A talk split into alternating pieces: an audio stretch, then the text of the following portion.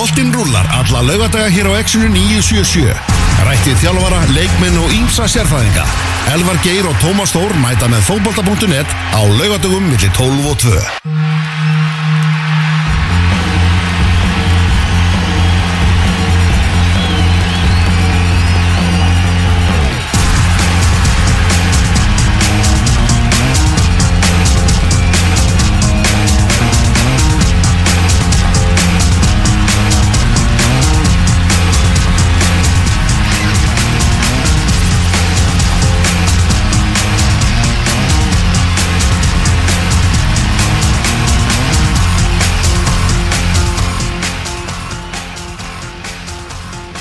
Góðan og gleðilegan daginn og verið velkomin með okkur í þráðbeina útsendingu frá Suðurlandsbraut í Reykjavík 12. desember Elvar Geir og Tómas Þór vopnaðir mikrofónum til klukkan 2 í dag. Hvernig ertu, Tómas, í dag?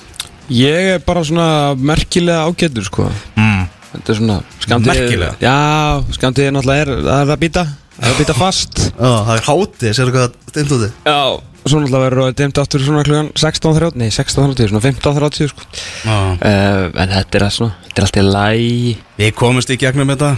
Já, við höfum gert það hinga til. Já, það er þannig, það er þannig. Herruði, það er uh, Wolfsaston Villa, hann er að byrja núna í anska boltarum en það er náttúrulega stórleikur dagsins, það er Manchester slagurinn, Manchester United, Manchester City sem verður klukkan 17.30 og svo er Everton Chelsea flottur leikur líka einni í kvöld. Mhm.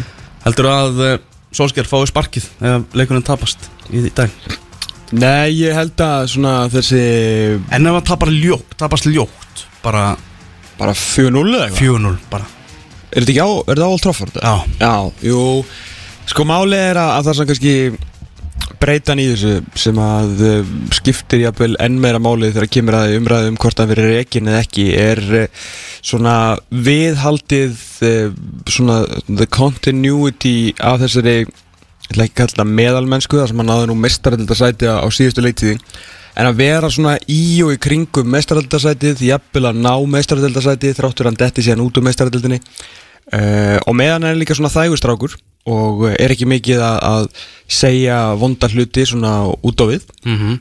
sérstaklega eitthvað að vera að gaggrina eigend, eigendurna og svona. Að þá held ég að hann geti lifað þarna ansi lengi sko. Kemur með þetta null á óvarti og þeir myndi bara sitja tilbaka og Marcus Rashford skora tvö úr einhverjum skyndisóknum og þeir vinnið hennar leik nákvæmlega eins og síðustu leik. Já, þetta er bara þannig þegar hann er einhvern komið baki upp í vegg þá kemur einhver þrjusuflóttur sigur allt í einu, upp úr engu. Já, þannig að þú veist, sem hann alltaf hefur sínt okkur eins og Everton leikurinn á, dögunum og, hérna, meistaradeldar segirarnir þráttur að leikmennir bröðust náttúrulega svakalega og hann svo sem sjálfur með þessu stóru undarlega kerfi sínu og skiptingu á móti, móti Leipzig að, hérna, að þeir eru alveg með honum í þessu sko. Hann verðist alls ekki verið að missa klefan og svona hjarta hans og ástriða fyrir, fyrir félaginu og, og liðinu skín oft í leikmunum þegar fara í mitt í leikir sem þennan, ég held að hann sé bara sko 6 and 0 eða eitthvað í leikjum með baki í vegg því að alltaf mæta er einhvern veginn og delivera fyrir hann. Uh, að þannig að já, eins og segja, kemur ekkit óvart að myndi vinna að leik í dag en þráttur að hann tapist að þá held ég að hann sé bara svona það, uh, það þægur í, í það og þægilegur í, í svona fjölmjölum og, og í samskiptu sínu við, við stjórnina því að hann náttúrulega vill svo mikið starfa þarna og hann vill alls ekki vera eitthvað að gaggrina neitt og það henda náttúrulega gleisirfeikum ágætlega að það sé sagt og lítið um þá sko. Já, það er bara mjög fínt fyrir þá. En annars þú veist þetta er náttúrulega orðið alveg svakalega óþægilegt, ég meina tapa svona komast ekki áfram í, sko ekki svona í 16 úslit meistaradeildarinnar eftir svona sko hlægilegt tap og þarna þú veist, eitt framherji á mótið þremur miðvörðum. Luke Shaw, þú veist ég ætla nú er nú síðasti maður á plánundinu jörð sem ætlar að fara hérna að gera grína sko holdarfari fólks. En þú veist í alvörunni Luke Shaw, sko ég er nú búin að standa með Luke Shaw lengi lengi en þetta náttúrulega getur ekki verið bólegt sko, ég sá nú aðeins brota hérna Þetta er hann svo ótrúlega óýþróttamannslegur alveg svakalega. Og hann er að spila fyrir Manchester United þetta var sko úslita leikur um sæti í sextala úslitum Champions League á móti liðið sem var í undan úslitum Champions League bara fyrir þremur mánuðum síðan. Og þetta er náttúrulega alveg fárulegt og, og meiri segja Paul Scholes, ég sá þarna hluta af, af BT umræðinu eftir leik að þeir voru þarna alltaf eins og United er United spilar, United tríóið Rio Hargreaves og, og Paul Scholes Skóls bara skildi ekki bara hvernig veröldinni sem aðeins var inn á vellinu því að það vita það allir að þegar hann kemur á meðslum sem er því miður oft, því að þetta er hæfilegur ykkur fótballtamaður, að þegar hann kemur á meðslum og þá er hann bara lengi að koma sér í stand. Og hann hafi farið þarna uh, og spilaði náttúrulega ekki allan leikinu, var ekki tekið sér út af endanum tók náttúrulega báða vinstri bakurina sína úst, út af á endan og hérna svolítið verið gaggrinn að að Alex Tellis aðeins fara að velli, Alex Tellis var náttúrulega lélegasti maður fyrir hálfisins, Dólfræðarnas var náttúrulega bara eins og ég veit í hvað fyrir utan náttúrulega það sem að augun síndu en hann hefði þó getað klára 90 fattur við í þessu leik hann heldur en Luke meina, hann bara hristist þegar hann var að hlaupa þarna framöllin sko. þetta var, var svakalegt sko.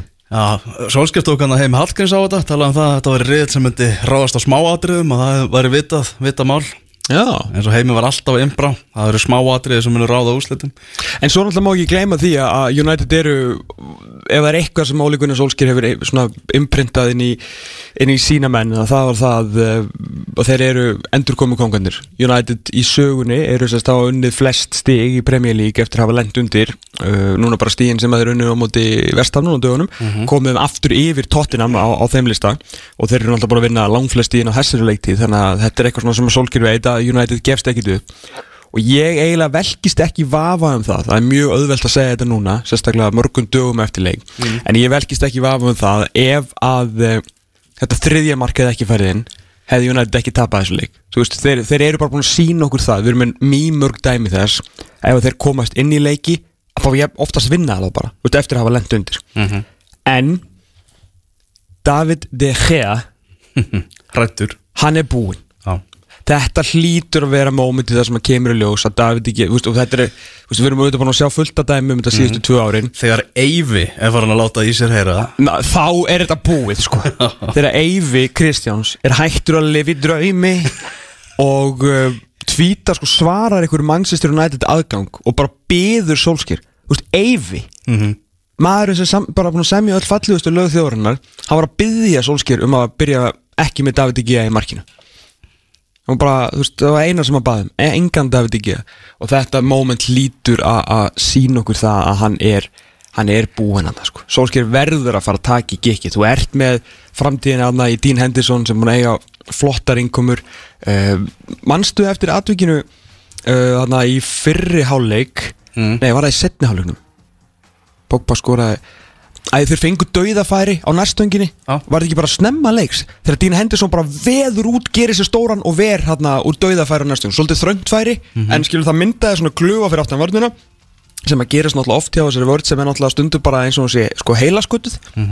Og sérstaklega með náttúrulega Sjó, Telles og, og, og Aron Van Bissaka sem að verðast ekki bara hafa enga skinjun á tíma nýja rúmi sko, og þá sérstaklega Van Bissaka sem að hlýtur að hafa fallið í öllu sem heitir rúmfræði í skóla sko, hann bara, hann veit stundum ekki hvort hann sé hann á fótboltavellið ekki, frábært tæklari sko. Hann getur tæklað þig fyrir fram að þig en ef þú laumast þér aftan þá veit hann ekki hvað þú ert sko, hann bara, þá er eins og einhver að sett bara yfir sig þarna huluskikkjuna úr Harry Potter sko. Uh, en þá allan veður hann svona út og veist, er, er svolítið svona breskur kýper skilu, gera sér stóran og menna David ekki, ég hef aldrei sé mann gera sér minni á einu, einu momenti sko. Fannar Ólafsson sagði alltaf, þú veist, við vorum að ræsa körubólda kvöld, strákar, aldrei litlir aldrei litlir, alltaf stórir. En David ekki hefði kannski David ekki mætti hitta Fannar Ólafsson aðeins svona og blása sem á sjálfströst í hann þetta var, það var hörmurinn moment að horfa upp á maður. Það var enda góði sjómanstáttur Fannar hittir uh, til Li, hitti litla menn. Já, litla svona þeir sem eru í, í bastli og bara rífið það í gegn sko. Þetta, er, þetta er hugmynd Herðu, í þættunum í dag þá ætlum við að uh, ræða náttúrulega um landslismálin sem, sem að allir, eru að, að tala um. Við ætlum að ringja í Helga Kolvisson fyrir um aðstofa þjólafara landslisins og uh, spyrja hann úti með næstan og lundariður Íslands fyrir HM og líka bara hvort hans er tilbúinn að koma aftur til starfa hjá KSI nóg á störfum, laus hérna í, í lögadarum fullt eða, við verðum að svona okkur til varnar, þá fengum við þessa hugmynd á mánudaginn, ára hann að morgunblæði var síðan með viðtala röð við Helga. En, en uh, já, það er eins og það er. Það er eins og það er. Herðu, svo er það Arnar og Arnar í setja klukkutímanu Já, Arnar Gullarsson, þjálfari Vikings og Arnar Hallsson, þjálfari IR og, og hérna, leikreinandi par excellence sem var auðvitað með uh, leikreiningarhóttni á fókbúti.net í, í sumar og kom hérna aðeins að spjalla við ykkur um pepsi magstildina. Við ætlum aðeins að tala við þá bara um fótbolta. Uh, ég fekk að hugmynd svona fyrst að langaði með að fá Arnar og, og Óskar Rapp, en Óskar Rapp var, vant til látin, þannig að ég fekk, fengum Arnar Hallsson líka og náttúrulega sem er náttúrulega bara frábært að því að svona allag hafa þetta svolítið svona meira íslenskt með náttúrulega Arnar og Óskar sem að uh, hafa þetta svolítið svona kannski umbylt uh, fótbolta hérna í, í efstu deil en staðin kannski langaði með svona þess að færa þetta bara, dökum þetta smá Ísland en svona aðeins út fyrir landsteinna því að við erum nú að horfa og lýsa mikið að leikjum í, í Premier League þar sem eru og eru alltaf að horfa líka á Champions League og svona og, og fótboltin er orðin bara ég veit það ekki, skrítin en samt mjög áhugaverður og skemmtilegur. Topplið, sko toppliðin tvö í enn skúrasleitinni, annað liði vill ekki sjá fótboltan og hitt liði leifir hinulegin almennt ekki að fá boltan en samt eru þau með jafnmörg stig þannig að það sýnir alveg að það eru klálega fleiri en ein leið að, eh, stóru markmiðunum. Eh, bara svona aðeins að gaman að ræða við þessa fótbolta heila um þú veist Mourinho, um Klopp og bara þú veist um þennan pressubolta sem er í gangi versus að sitja og af hverju er þú veist gamli skóluna aðeins aftar? Þú veist skyndisóknir versus pressa versus halda boltanum. Þessi líkamlegi þáttur sem að þú veist fótbolti verist að vera þú veist er nýjan döið og bara svona aðeins að svona að fá við getum Getum við, getum við kallað þetta nördaspjall? Ég held þetta að vera alveg svakalegt nördaspjall. Svakalegt nördaspjall sko. Ég, held reyndar að ekki sem að tengist Arnóri Gunnljósinni sé eitthvað nördalegt Hann er svo töff hann geti gert skáktöff sko. hérna reyndar náttúrulega, má ekki gleyma því að Arnar Halsson er náttúrulega fyrirhandi kynþokka fylgti bakverðin í efstu dild sko. Þetta er alvöru gestir. Þetta er alveg gestir sko. Það er þannig Erum við ætlum að eh, taka okkur stuttli og svo ætlum við að fara að ræða landsliðið eftir smástund Útastátturinn fókbalti.net á X-inu 977 en þá er KSI að reyna að finna landsliðstjálfara uh, komið 12. desember uh, Gunni Bergsson búin að tala um það hann ætlaði að klára þetta fyrir jól með allandslið kallaða. Og uh, nú er Heimi Guðjónsson búin að segja það að síminn er ekki tringt í honum. Bara ekki neitt, þú er engin ringt Engi hringt í hann. Rúna Kristinsson ekkert heyrt í KSI heldur. Nei, bara eins og ég svaraði hér þegar þú spurði fyrir einhverju vikum síðan þeir eru ekki á blæði og tengist ekki hversu góðu þjálfara þeir eru ekki þeir eru bara ekki Nú svíin komið við það Það er bara staðfest. Já, það er staðfest. Uh, Arnóður Viðarsson talaði um það hver er þá þrið? að það veru nokkrir sem væri, væri verið að ræða við og hann væri einn af þeim. Guðni Bergson sagði þrýr Þrýr, ok. Og það er þá Arnóð Þó Viðarsson mm. Lars Lagerbäck og Freysi, mögulega, mögulega, maður veit það ekki. Eða ykkur kannski Erlendur annar eldur, já. Erlendur sem hefur, hefur sótt um. Uh, Erum við að tala um að annarkvort verður þetta Arnóður Viðarsson og Eður Smári? Já, eða Lars Lagerbakk og Freyr?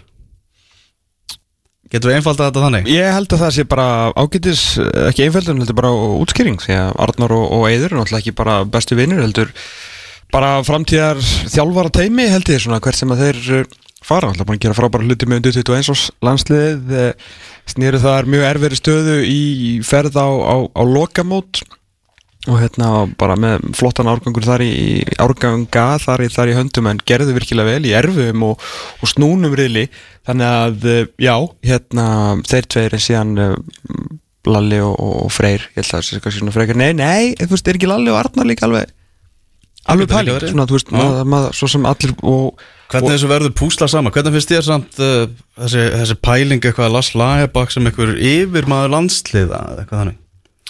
Nei, ég meina Lars Lagerbæk er, er bara mjög góð til síns brúk sem, sem þjálfari og hérna Sko það sem ég fatti heldur ekki bara þú veist hvað á hann að gera sem yfir maður landsliða? Ef að bara þú ert ráðin þjálfari eða eitthvað, eða þú veist Arnar þú við að ráðin landsliðstjálfari Já, með Lars Lagerbæk fyrir ofan sig. Já, og Lars Lagerbakk þá segja Arnari hvaða leikaðferð hann á eigi að spila hvaða leikmenn hann eigi að velja eða þú veist hvað, hvaða input og hann að koma með í hugmyndir Arnars Þórs Viðarssonar til dæmis.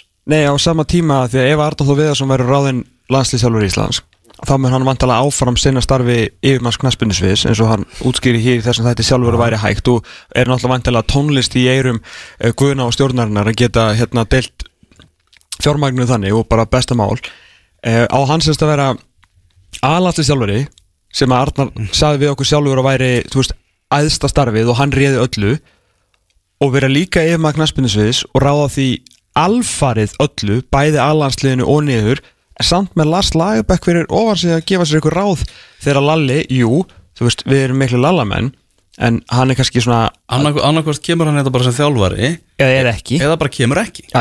Þú veist, það er ekkit annað í bóði Nei, ég meina, þú veist, Lagerbæk er bara mjög, mjög einfalda og skýra hugmynd, ég meina, hann er búin að þjálfa fótbolta í, í 40 ár, hann veit hvernig hann vil spila, hann veit hvaða, þú veist, gildi að vera, hvaða reglur, bara leikstílu með mjög skýra hugmynd og hugmyndafræðu um hvernig hún nærð árangri, eins og sást með íslenska landsliði þegar hann gerði bara það sama hérna í ykkur fjögur, fimm ár og við trillum okkur allarleið dansand og syngjandi í áttalúslildinu á EM, þannig að við veitum alveg að það getur virkað, en ég, þú veist, Arnar og Freysi og Eyður og þeir allir eru vandalega með aðeins nýstárlegri hugmyndir og svona meira heldur en, heldur en lalli sko. þannig að það væri svolítið skrítið að koma mann sem er fyrir löngu búin ákveða hvað hann vil gera og setja þá yfir einhverja svona sér yngri menn sko. þannig að, fyrir utan þetta er bara peningabröll ég meina teknilegur áhugjaf er alltaf bara, bara bröll með peninga. Já, já, akkurat. Bara, já. Annarkvæmt Lalli þjálfari eða bara að vera ykkur annar. Og Lalli kemur bara ekki þér. Nákvæmlega.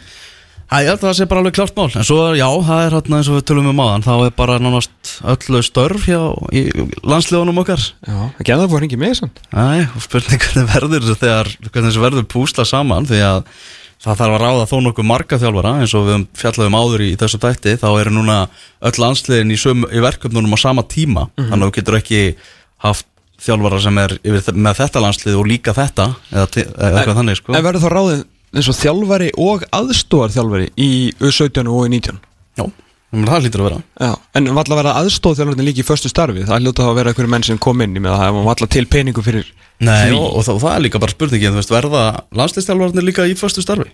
Já, þú meinar Já, þú veist, er, er það fullt starf? En er það- 100% að vera bara með, þú veist, U17 lið? Já, þau náttúrulega byggu til fulla starfið með að vera að hjálpa hverjum öðrum Já, það var svona hugmyndin eins og, Já, eins og Þorvaldur kom inn á Já. hann sagði bara, ég og Davís Norri voru nánast bara saman með öll yngri landsliðin einmitt, einmitt, einmitt. Þráttur að, hann sagði, ég var titlaður yfirþjálfari í U19 en við bara gerðum þetta saman. Algjörlega, algjörlega. Já, það er kannski ekki að því að þó þeir myndu fá okkur annan í, í U19 og hann og Davís Norri sem er eini starfandi þjálfarinn kalla megin myndi, er það ekki? Landsliðstjálfari Íslands. Nei, þú veist, Arda Viðarsson Já, já, já, fyrirgjöf, fyrirgjöf, Já, fyrirgjöf já, maður veit samt ekkert hvaða landslið hann verður með. Nei, reyndar, en sérst þetta, já, af uh, 15, 17 og 19 eða, hérna, þessum yngri yngri lastum og það eru Davíð, eini, Davíð Snorri eini, eini sem er starfandi. Þannig að, hérna, já, Já, það, er, við- það, er ekki, það er ekki hægt að ráða bara U19 þjálfara og alltaf setja þá eitthvað svona í sama í sömu stöðu og, og Davíð og Þorvaldur voru í því að þegar það kemur að verkefnum og þá þurfa þær að skipta liði. Þetta er fróðlegt, sko. En Arna sagði okkur allan að þetta eða fyrir tveim viku síðan að það væru, væru nóg af umsóknum þannig ég held að verða nú ekkit svona ekkit eitthvað flókið ferli að finna einhverja menni í þetta, það eru örgulega sko glás af hæfileikar einhverjum kandidutum sem vilja taka við þessum landsliðum sko. En það eftirsókn að verða að komast í nýju, nýju púmaálpunda sko. Já, það eru glæsilegar Það eru glæsilega sko. Það eru glæsilegar Þannig að sérðu eitthvað annan en Þorstein Haldursson taka við hvernig landsliðinu Nei.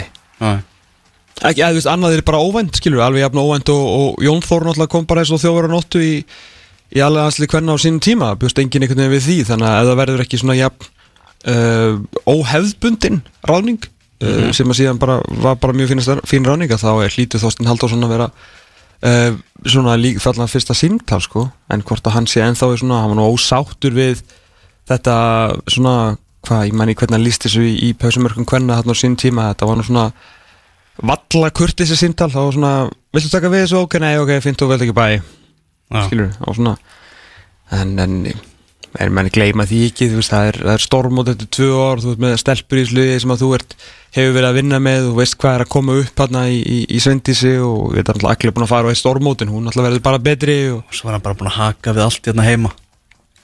Já, ég meina þú veist, og, og hvað ef að Þorstein Haldursson vinnur Íslandsmeistaratillinu næsta ári, aftur. Akkurat. Ég meina, flott sko. Já, en, en, en þú veist, hann er búin að þessu. Já, nákvæmlega. hérna Ég held að hann sé líka bara ekki besti heldur, heldur langbesti kosturinn í þetta starf. Ég er svona, við, bara við fyrstu sín mm. Draumur er náttúrulega að, að fá hérna fá Elisabetu sem er náttúrulega þjálfa þetta landslið á, á endanum.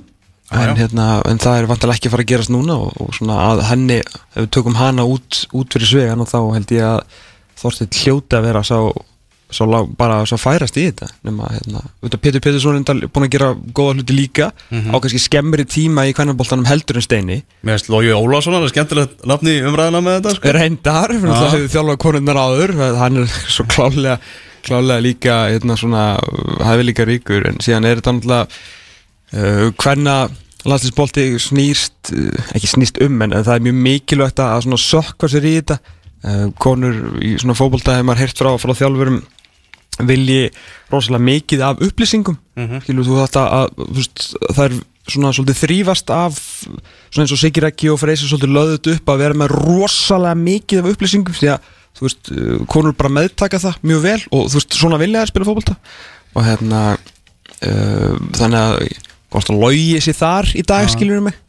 Þetta er, þetta verður rosalega fróðlegt hvernig þið búslir saman, svo veit maður ekki, þú veist, er Ian Jeffs, er hann bara út af sakramentinu, þú veist, Það er náttúrulega málið, þú veist, það er allir svo hann hlýtur að hluti því að koma þessu liði á, á þetta mót, Já, já, já, aðstóð þjálfarinn já, já, en er En hann að, er samt hluti af þarf hann að taka skellin af, með af Jóni því sem Þóri? svíjarnir kölluðu skandalkvel Já, skandal hvað er það, þannig að, ég meina, kannski vilja þá bara hreinsa út og hafa alveg bara nánast nýtt teimi, Það eru líka spennandi að sjá, þú veist, hver verður markvara þjálfari hjá annarsliðinu og svona, því að markvara þjálfari var náttúrulega bara svíi, vinnur er að kamren, þannig að hann er farinn, Já, ég hljótum að vera í bringbekku með hreðast þar, sko kom baka að gumma reyðast. Það er ekki Það er aldrei veit að fyrir bara eftir hvert tekur við þessu. Já, það er reyndar alveg, það er alveg rétt, sko. En Þetta er uh, búið að vera ríkilega leðileg vika með, með öll þessi með all þessi, með allt þetta með þetta hvernig landslismál og við svolítið erfiðari vika fyrir uh, suma heldur en aðra sem að, sem að skundu út og ritvöllin í, í mikilli bræðu og var síðan í gjörsanlega pakkað saman af uh, þjóðinni Mm. en að uh, svona oft er betur bara betur að bara tala upp á tíu í hugunum sko Já. en svona einhverjir sem hafa kannski lært það uh, í, í þessari viku en, en hérna Já, en það er, þú veist, það er alveg ólga í íslenska fótboltanum, það er ótt að segja það, sér bara, sér bara skrifin hjá Sævari Pétursinni í gæðir og svona. Já, ég, ég skil þess að ólgu alveg ágætlega því að hérna, þú veist, þetta er svo sem búið og, og gert eh, að ekki fara að gera eitthvað svona lítið úr þessu eh, Jón Þóra endanum hérna stígur til hliðar og, og gefur eh, KSI stjórninni hérna smá náttúrulega breyka að þurfi ekki að þurfi ekki að reka hann, þannig að þeir geta svona fyrra sig allega ábyrða því þegar eitthvað fyrir að, fyrir að spyrja á. En það er svona aðdraðandinn og þetta náttúrulega þessi svör um að þetta hafi ekki verið tekið upp á stjórnafundi síðastlega föstum dag er fyrir neðan allar hellur mm Mhm. Og Guðni Bersson náttúrulega byrjar því að svara þessu með því að hérna, þetta sé óviðkvæmt og persónlegt mál Mhm.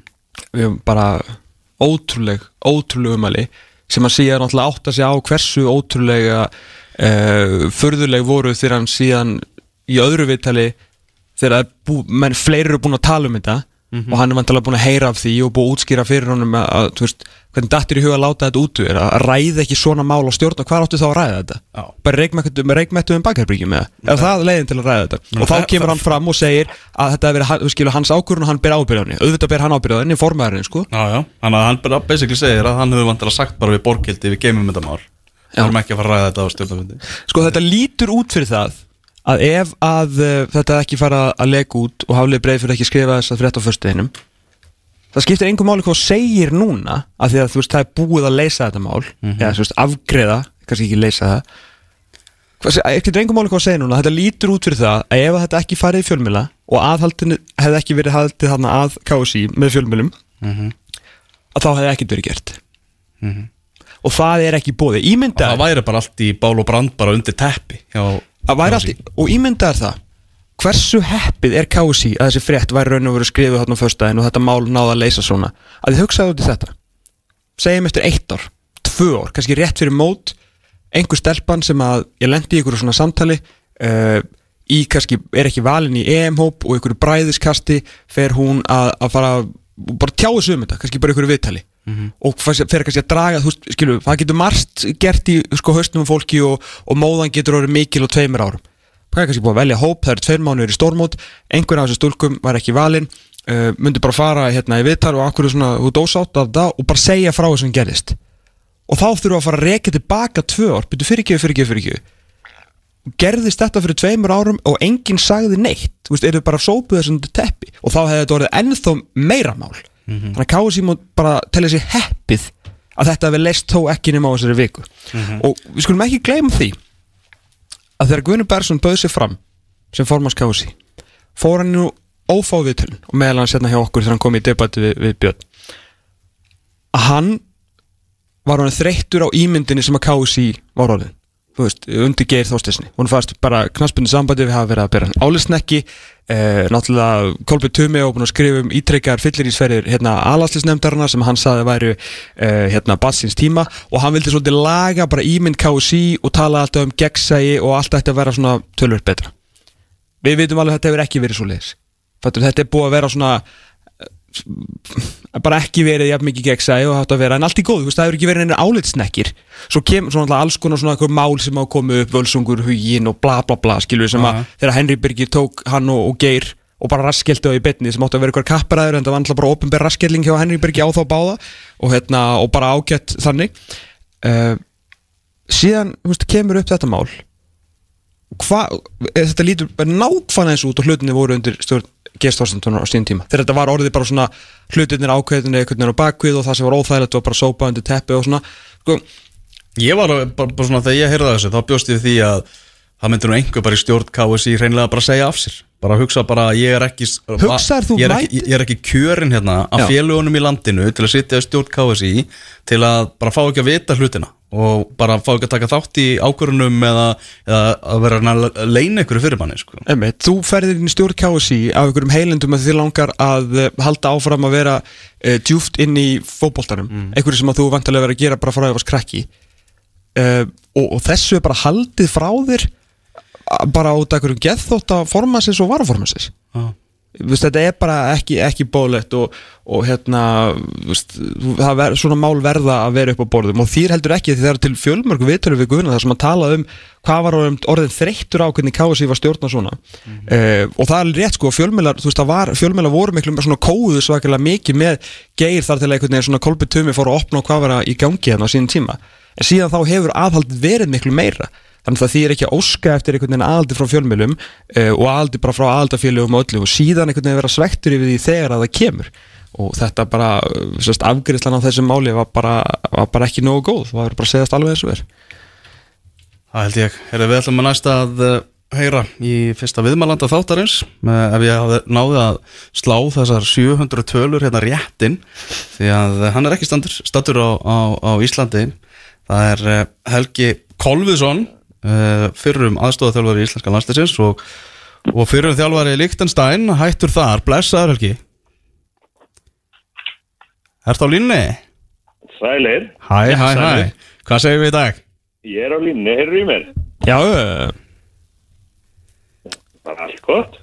Já, já, mjög gott, ég held að það sé eitthvað fínlast að díla í hérna í þessu en, en við komumst í, í gegnum þetta.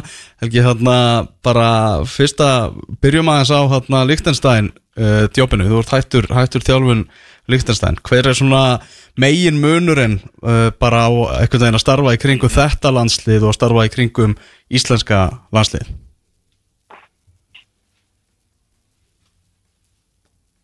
Já, náttúrulega umgjörðin í kringum allt í líknistöðin er náttúrulega mjög góð og þetta er land sem að líður vel og eins og Maggi Gilva myndi segja að það er nóg til.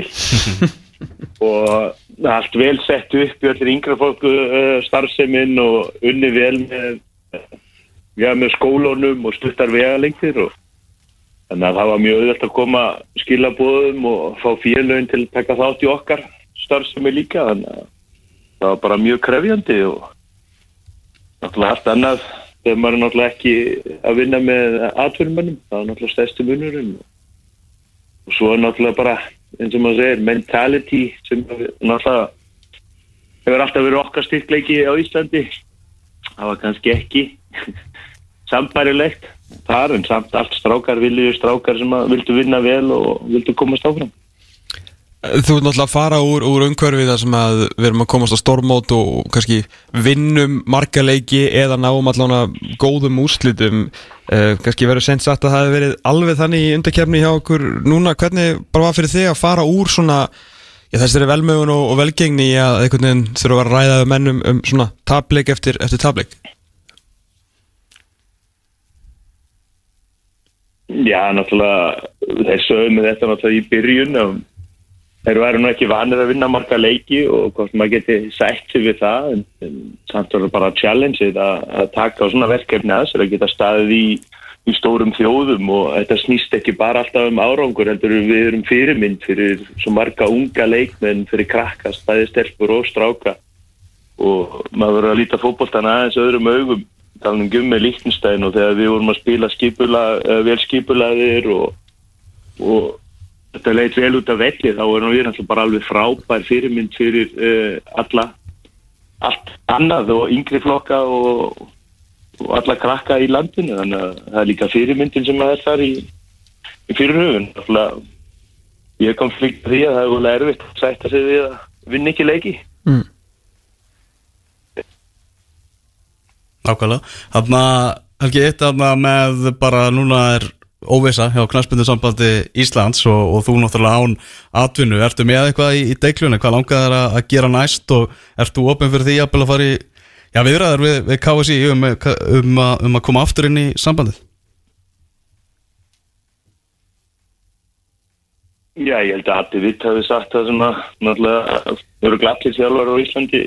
Að maður getur unni í kringum íslenska landslið, það er ekki til neitt uh, stærri heiður en það og sjálfsögur þurfa að geta nýtt mína krafta, þá verður ég náttúrulega til á í umræður af sjálfsögðun annars er maður bara að skoða sín mál og ég var búin að taka þessa ákvörðun í september að ég myndi hætta núna um áramótin og ég ætlaði að klára það með Líknumstæn og svo maður bara búin að vera að skoða sig og ræða við menn hérna hvort þetta þess að fara í áttina í félagslið eða, eða hvort þetta haldi áfram í kringum landslið það er bara allt opið og Þannig ég er ekkert að stressa mig neitt á því og náttúrulega er við tímar eins og, eins og er núna. Nú eru, það gerur svona ekki mikið fyrir jólinn, en náttúrulega alltaf mikla hreyfingar í, í fókbólstanum í allar áttir, þannig að maður er bara varbergi.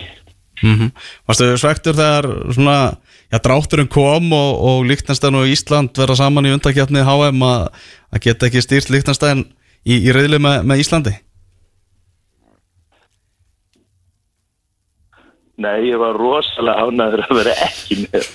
Af því að það er ekki ekki það sem var óskalistar mér, hjá mér að fá að spila mútið eigin þjóð sem er bara eiginlega vonlaust og þannig að ég var bara mjög ánæður með að vera ekki með núna þannig að þetta var alveg rétt ákvörn Já, heyrðu þarna þessi, þessi riðilanars, hvernig líst þér á hann? Þískaland, Rúmenía, Norður Makedónia, Armenia og Líktenstein í riðli með, með íslenska liðinu, náttúrulega eittlið sem að kemast beint á HM og annarsættið sem að, sem að gefur umspill. Hvernig metur þú svona þessa, þessa möguleika Íslands í þessum riðli? Ég er náttúrulega að sé þess að riðil er náttúrulega gríðarlega spennandi og mjög jafn eins og maður sér Þískaland að fá Þískaland í fyrsta leik. Það er mikil, uh, mikil órói hérna í kringu landsliðið og náttúrulega töpuð 6-0 mútið spáni og var náttúrulega vantað nokkar líkil menn og svona leiðtoga á svæðinu á vellinum. Um að reyta náttúrulega með góða leikmenn hérna inn á milli. En svona eins og leikmenn eins og Joshua Kimmich eins og Thomas Müller þetta er náttúrulega bara leiðtogar á vellinum og það var eiginlega það sem að vantaði í kringum, kringum landsliðin náttúrulega það er mikil pressa á þýskaliðinu og ég held að það sé bara ekki óhagstækt fyrir okkur að fá það núna í fyrsta leik hérna úti og, og í talningum ef maður eh, við náum í stík sem er alveg möguleiki með íslenska landsliðinu. Við hefum syngt það á móti stóru þjóðum að það er mögulegt og ef við getum náðu stík út í fyrsta leik að þá verður óróin hjá Þýskalandi inn á milli. En svo náttúrulega þessi þrýr út til leikir sem við fáum núna í mars sem náttúrulega verður ekkit sem náttúrulega ekkit uh, það einfaldasta en, en að spila þessa leiki. Armeni úti og svo Líktenstein sem verður þriði leikurinn uh, við ættum að geta klára þessa leiki líka. Og þannig að það var alveg möguleik að ná í sjö stygg út úr þessum fyrstu þrejum leikum og fá svo fimm heimalíki röð sem að mér finnst náttúrulega mjög spennandi fyrir, fyrir landsliði líka en Rúmenía, náttúrulega þjóð sem við getum ekki vannmetið Norður Makedónia og Armenia þeir voru að berjast um að komast upp úr Nations League og tvær þjóðir sem er á svipuðum styrkleika með góða leikmenn og, og maður má heldur ekki maður verður bara að segja það eins og vannmeta líktinstæn það eru góði leikmenn inn á milli. Við vorum að spila skipulaðan fótbollta þannig og það er okkur að takmarki líka hjá líktinstæn að halda því áfram, þeir eru með hættulega menn fram á við sem að er að spila í Superlíki í Sviss þannig að þetta er ekki sjálfgif en ég sé alveg góðan möguleika fyrir Ísland að komast minnstakost í fyrsta sæti Segð mér aðeins frá þessum sko fyrstu þrejum leikjum eins og segir það Þískaland uh, úti fyrstu leikur og síðan alltaf kannski aðeins físilegri uh, anstæðingar í, í Armeníu og Lichtenstein þetta verður svona vantilega smá heilabrót fyrir nýjan þjálfara hvað ætlar að gera þarna í, í fyrsta leiknum? Því að við erum kannski ekki með stærsta hópin í, í bransanum þó við eigum góða stráka. Uh, auðvitað svona langar alltaf að fara og spreita sig á móti já, risanum sem með Þískaland en menn þurfa náttúrulega líka að vera pragmatískir og, og reyna að ná í stíin sem að þarf til. Myndið þú ef þú værir aðlastistjálfari svona ég var að segja, stilla upp aðeins veikarliði gegn Þískalandi og til þess að, að stefna á 60 gegn, gegn hinum?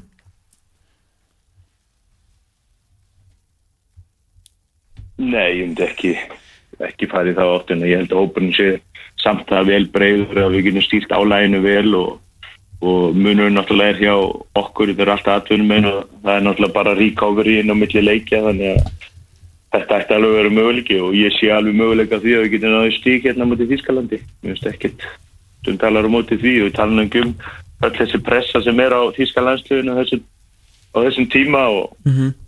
og ég myndi reyna að ná í stík út á þessum öllu leikim Ok. Algjörlega. Herruðu Helgi, bara takk hjálpa fyrir að gefa þér maður gæti kannski komið Já, dílegið er þetta alveg að gera. Allt, allt vittlist í þessu. Herruðu þarna, Helgi, við gotum bara með loka orð hérna að lokum og bara takk fyrir að gefa þér smá tíma. Já, bara ég takka bara fyrir sjálfur og alltaf gaman að ræða þetta og við segjum bara áfram Ísland og og ég segi bara verið sælir. Takk hjá fyrir þetta? Áfram Ísland, þetta var eh, Helgi Kolviðsson. Býr í þíska hluta tónsins Já, þetta var, hvað þú alveg, fjóra sekundur í díla Ég hef bara ekki lendið svona síðan á ártugum þess að þáttar sko. Já, nákvæmlega, en allavega En hvað finnst þér alveg um þess að fyrstu þrjálegi? Hvað finnst mér um þá? Já. Erum við með lið sem að getur lagt uh, hjarta ása og lifur og lungu skilið allt, allt eftir út á vellirum sem ég veit alveg við getum gert um Þískalandi en sama hvað við gerum þar er, eru líkundin kannski ekki með okkur í hag. Mm -hmm. eða svona Þetta er rosalega stór spurning sko. Ja, Það er mjög erfitt að fara inn í fyrsta leik og segja einhvern veginn við ætlum að tapa þessu. Eða þú veist við ætlum að ekki að spila öllum ásónum til þess að vinna næstu tvoleiki en síðan ef þú leggur allt í þennan leik og síðan þarf þetta að ferðast sko frá Þískalandi til Armeníu og Armeni er ekkit, ekkit ömulegir sko, þeir eru búin að vera í miklu brasi með hvað þeir, þeir hófu hérna mikinu uppgang fyrir nokkur ára sem að gekk ekki og fór allt í skrúna og núna svona, veit ekki kannski alveg hverju standa sko, en að fara til Jerevan og allir hann að vinna, er, það er ekki kannski alveg að blétt til, til dæmis Lichtenstein sko. Mm þetta er svona, þetta er svolítið trikki sko. Já og svo ofan á þetta er náttúrulega undir 21 áslanslega á sama tíma að keppa í sínum riðli. Já já, algjör, algjörlega. Ofan í þetta á sama tíma, þetta er bara þetta er bara eins trikki og verður fyrir litla þjóð eins og Ísland. Ekki spurning, en ég, ég velkið svona ekki fara með það að þeir munu fara með uh, allar besurnar sem að ég búið verða í, í Þísklandsleikin uh, menn þurfa síðan bara síðan að rífa sig í ganga á tveimu dögum og, og hérna, spila á þriða degi gegn Arminíu til, til allra lukku er nú með fullir virðingu Lichtenstein síðastu leikur og þar einmitt gætu nú yngri spilarar komið inn og, og hjálpa okkur að ná í þrjústík sko. Já, já, það er alveg rétt sko Þetta er, þetta er frólægt, en já, Helgi Kolviðsson hann er alveg svo sannlega opið fyrir því að KSI telur sig hafa einhver not fyrir hann ennþá mm -hmm. í eitthvað þetta, þetta nýja setup sem þeir eru að reyna að púsla saman hann eru ljós í í byggingunni eða? Nei, það er helgafrí. Það er helgafrí, sko. Það er er bara þannig. Já, ég skal segja ykkur það að heyrðu, hátæðisleikurinn í Anska bóttanum 0-0 Múlvarnir á móti Ástóðum Villa. Er, er staðan þar? Þú ert að hlusta fókbóti.net á exinu 977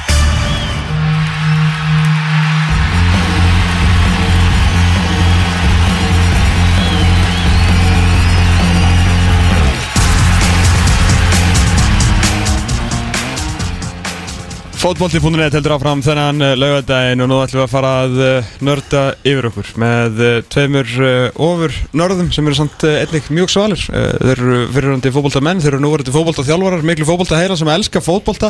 Þetta er annars eðar Arnar Halsson, þjálfari IR og fyrirhandi Bakur Vikings sem að mér var auðvitað leikreinandi fótbólti.net og gestur okkar hér í sumar og svo Arnar Gullungsson, maður sem er að breyta hvernig knastbyrnaði spiluð? Í efstu delt og fær fyrir það mátt miklar ávítur eh, hér og þar. Við ætlum að eh, mér láka að byrja svona aðeins út í heimi og eins að ræðum bara svona fókbólta í dag. Við færum kannski síðan spjalli aðeins inn á, á íslenskan eh, marka svona á eftir. En takk fyrir kominast okkar, hrigilega gaman að fá okkur. Já, takk. Ég hérna, sko, við náttúrulega, ég og Elvar erum náttúrulega djúpir í enska þessa dagana og við náttúrulega, maður er svona mikið af fjallumynda og það eru margir þjálfarar, sko hugmyndin hjá mér spratt upp núna um daginn þegar ég uh, sá þessa tölu um daginn í Norður Lundunarslagnum sem ég var að lýsa Possession 91-9 að því að þetta er búið að vera að færast alltaf ofar og ofar. Þú veist við erum búin að vera fjallum í þættunum okkar svona, maður séð hvað er hérna 70-30, 75-25 svo bara kom 91-9 og ég bara fjandinn hafi það, nú þarf ég að fara að ræða við ykkur að mennu hvað er að gerast í þessu. Og eins og ég var að segja elverðinu upp á því þáttar Liðins tvö á topnum annars var Tottenham sem vill ekki sjá fótboltan og hins vegar Liverpool sem elskar að vera um fótboltan tvær leiðir og fleiri að, að samanmarkinu og sko ég veit ekkert hvert ég er að fara með þetta þess vegna fekk ég ykkur hérna en mm. svona ef kannski, að byrja aðeins bara á, á Mourinho hvernig hvað hann er að gera í dag og bara svona að vinna leiki á hans að vera með fótboltan Arna Gunnarsson, hvað, svona, hvað finnst þér um hann í dag? Eh. að það fyrir ekki, á henni ég seg á henni fyrir að stað, það var alltaf búið að segja að hann væri búinn Mhm. en allan með stigasöfn ekki Nei, hann sko hérna það er mikið talað um possession, possession, possession en hann getur bakkað þetta upp með öðrum tölum. Hann er hérna XG hjá Spurs er mjög gott. Það er einfallega bara svona þjóðumbúta regla ef þú ætlar að vinna titil að þá þarftu að vera með meðaltalið tvö mörk í, í, skoruð, sem skora mörk og að hámarki að fá þær eitt mark í leik svona meðaltalið við sísón Já. og hann er, hann er alveg on, course með það að, að hérna, halda þeirri tölfræði rétt og ég held bara Mórinu vil bara vinna titil. Og hann bara einfallega stilli liðin þann upp með að það er mannskap sem hann hefur til umræða hvað sem að hvað sem að fólk telur hann sem er betri leikmenn til þess að actually að geta haldið bolta, það er allt önnur umræð en hann lítur þetta bara á sem sinn besta möguleika á að vinna titil og, og ég held að þessi líka klókur að, að því leiti að þetta er svona, er svona pandemic ár, þetta COVID ár mikla og hérna og liðsa sem, kannski sem spila svona flóknar í fótbolta City og, og mörguleiti Liverpool hafa kannski ekki alveg komist inn í, í sína rull alveg strax að því að það hafa einfallega bara ekki fengið næfingar enginn á undirbúrstímpl og og hafa þurft að, þurft að svona spila sér í gang og, og það er alveg vísbendinga til þess að að það er að takast, ég meina City er að komast á ról er að betra og betra þannig að ég er ekkit endilega, samfara um að, að Mórinu mun takast þetta og þetta er, þetta er erfið sala gagvart leikmann sem eru sér góður í fótballt eins og tóttinum er með að, að, vera lítið með bolta og, og hérna, vera það aga er að, að sætta sig við að sjá hann ekki svo langtími saman eins og, eins og skora að vinna leiki og, og, og það er að ganga upp núna að þeir eru að skora að vinna leiki. Og tölfælanir er mjög góð fyrir utan possession þannig að mér finnst það mjög áhugavert. Er þetta, er þetta risaðalu bolti Arnar Haldsson eða er þetta bara önnu leið? hann var náttúrulega rekin frá Real fyrir að, að, að keira þetta projekt þar og Er, hérna, er þetta bara það sama? mér finnst þetta að vera það sama. Ok. Mér, mér, mér finnst það lykt að því sama og það, er, það sem gerist þarna hjá honum er það að hann breytir hluturskinu fyrst mér hjá Kane. Og, og Kane er orðið svona meðvitaður um það að draga sér niður og, og náttúrulega þetta samband við Son er síðan eitthvað bara á einhverju svona miðilsnótum að, að þarna það, þeir, þeir tengja alveg ótrúlega. Og svo þetta að fá Hauberg uh, hann á miðuna og hann spilar að því að mér finnst eiginlega með fjóra hafsenda vegna þess að hann er svo djúpt með djúpu miðumennina sína og massar þannig upp vítategin og þeir þóla að fá á þessu mikið af fyrirgjöfum og takast á það í tegnum á meðan í fyrra þá var þetta mikið að, leka inn hjá þeim. En ég er þeirra skoðunar að þú vinnur ekki titil með svona nálgun vegna þess að þegar þú lendir í vandrarunum þegar þú lendir undir að þá er það bara svo fjarlægt upplegginu og það er svo fjarlægt því sem búið að vinna með langtímur saman að taka leikin yfir, stýrónum og, og snúunum og vinna. -hmm. þannig að ég, ég held að þetta sé nákvæmlega eins og Arna segir og meðan takturinn er ekki eins og hann hefur verið hjá þessum allra bestu liðum að þá fylgja er þeim. En eftir því sem líður á, tímbilið og, og hérna að þá mun þetta ekki ganga held ég. Nei Ég get alveg tekið um þetta, þetta er líka bara þetta er mjög áhugað sko þegar þjálfari tekur við lið og Mórinu tekur við. Hvað hva ertu að fara að skilja eftir þegar þú mögulega fer frá klúbnum hann, hann er greinilega bara on a mission að vinna titil og ég ætla að taka það stertil orða kannski ekki beint skýtsam um hvað verður klúbin eftir hann fer. En jú það máli fara argument fyrir því að því að þegar hann fer eftir 2 eða 3 ár eða 4 ár, hvað er þá eftir? Er ekkit þeir eru ekki þekkti fyrir að spila svona tóttinam hefur gegnum tíðina verið akkurat liðið sem spila skemmtilega hópalta en ekki unni raskat sko. Einmitt. þannig að þetta, þetta er svolítið áhugaverð pæling að það var að hann er greinilega bara að bæta við en það maðurinn titilóður, bæta við sinn byggar í sitt sap en svona langtíma langtíma vision er ekki til staðar í, í, í þessum fótbolta. Ég held að þetta hafi nefnilega verið allstar það sem hann hefur komið. Alls, þú veist, Inder, það sem hann gerði þar þetta var svona one-off og allir grétu og bara æðislegt. Og svo bara hrundi húsið gjössanlega til grunna. Og, og, og hann skildi ekki við Chelsea á einhvern stað það sem, það sem bara varð eitthvað svona einhver arleið á eftir hann heldur bara það sem hann gerði. En það er maðurinn svo uppfullur að sjálfum sér að það er alveg magna að hann skuli kjósa að vera í liðsýþrótt að, leiða menn saman í liðsild vegna þess að þessi þættir Amazon þættir um Já. Tottenham að, að bara karakterinn að bara hann sér ekki sólina fyrir sjálfum sér Nei, sko. er alveg rétt. En þeir sem þjálfara sko, hérna Ég veit ekki hversu, örgulega finnst ekki skemmtilegt að horfa á þetta En, en þú veist, Ég er náttúrulega orðið áhugað já, frekar já, já En, Það en, er en, svolítið svona, en svona- berðu virðingu fyrir þessu? Já, já, já, það er, það er marga leið til að vinna Já, vinna fótboltileiki, ég veist, þó að þó að maður sé ekkit endilega advokata fyrir þessu fótbolta, þá, Nei, nei, nei. jú, ég ber veringu fyrir að menn vilja vinna og svoleiðis, en finnst alltaf einhvern veginn að uh, maður er einhvern veginn það romantiskur í þessu að finnst að leikurinn er einhvern veginn að fá að, að halda áfram líka, talandum maður sem maður er að segja á hann eftir hann fer og hvað gerist þá. En söluræðan, þú veist, hljótið það svona sem þjálfara sem þurfa að díla við, við leikmenn sem að eflust margir halda þessi miklu betri heldur en eru, eru sko. Nema kannski mörurinn er að þessi leikmenn eru rosa góðir og rosa stjórnur að selja þeim þetta. Er það ekki svolítið impressíft eða? Mm, jú, þetta er, þetta er mjög ég geti trú að þetta sé mjög erfið sala og, og árangur hefði þurft að ná strax á þessu tímanbili Já. Og ég veit ekki hvort þið muni eftir hvernig þessi byrjunleikir voru. Þeir voru ekkit, þeir voru að ströggla mútið sándar unnu 5-2, þeir voru virkilega að ströggla í þeim leik, þeir voru suicidal á bekknum bara í, í fyrirháleik ég, ég horfði þann leik og þannig að svo kom þessi United leikur þannig að 5 mörg skóra á mútið Southampton, 6 mörg með United 11 mörg, allt í nú myndi allir halda að jú, það var allt bara frábært en Já. þessi leikir voru ekkit að geðveikir. En einhvern veginn og veginn og þetta kerfi var að virka og, og samstarfi og konu, hann að son og, og Keinu var, að- var að kikka on og þannig að þetta hefur verið svolítið dans og rósa núna. En núna er að koma pyrjöta sem að kalla þessi jólin sem er mjög erfið fyrir englendinga. Það er að leita eru margi leikir og, og ég er býð spenntur að sjá hvað gerist fyrir tóttunum eða fyrir að byrja að tapa leikjum. Þá fyrir fyrst kannski að fá þessa stóru leikmenn og, og bankadýrnar og eru við, nei, við nennum þess ekki, við erum ekki að fara að spila svona þetta er tóttunum sko, eða þá að stuðnismenn fara að láti sér heyra en á meðan að, sigrandir er, að- er, að- virka þá, þá er hérna, parti alla daga sko. Þetta er kannski ekki svona the hottest ticket in town þegar það kemur að, að skemmtanagildi en hérna, en svona er þetta eitthvað taktikal masterpiece sem við kannski bara við mögarnir skiljum ekki? Mér, mér, finnst uh, sko mér finnst for what it's worth sko. Já, mér, mér finnst þetta í raun og veru þú veist, það sem mér finnst það að vera svona áhugaverðasta tilraunin uh, undanfærin ár er raun og veru þetta Liverpool verkefni. Já. vegna þess að, að þegar Klopp kemur hérna inn að þá er hann maðurinn bara sem fann upp counterpressing eða gegenpressing.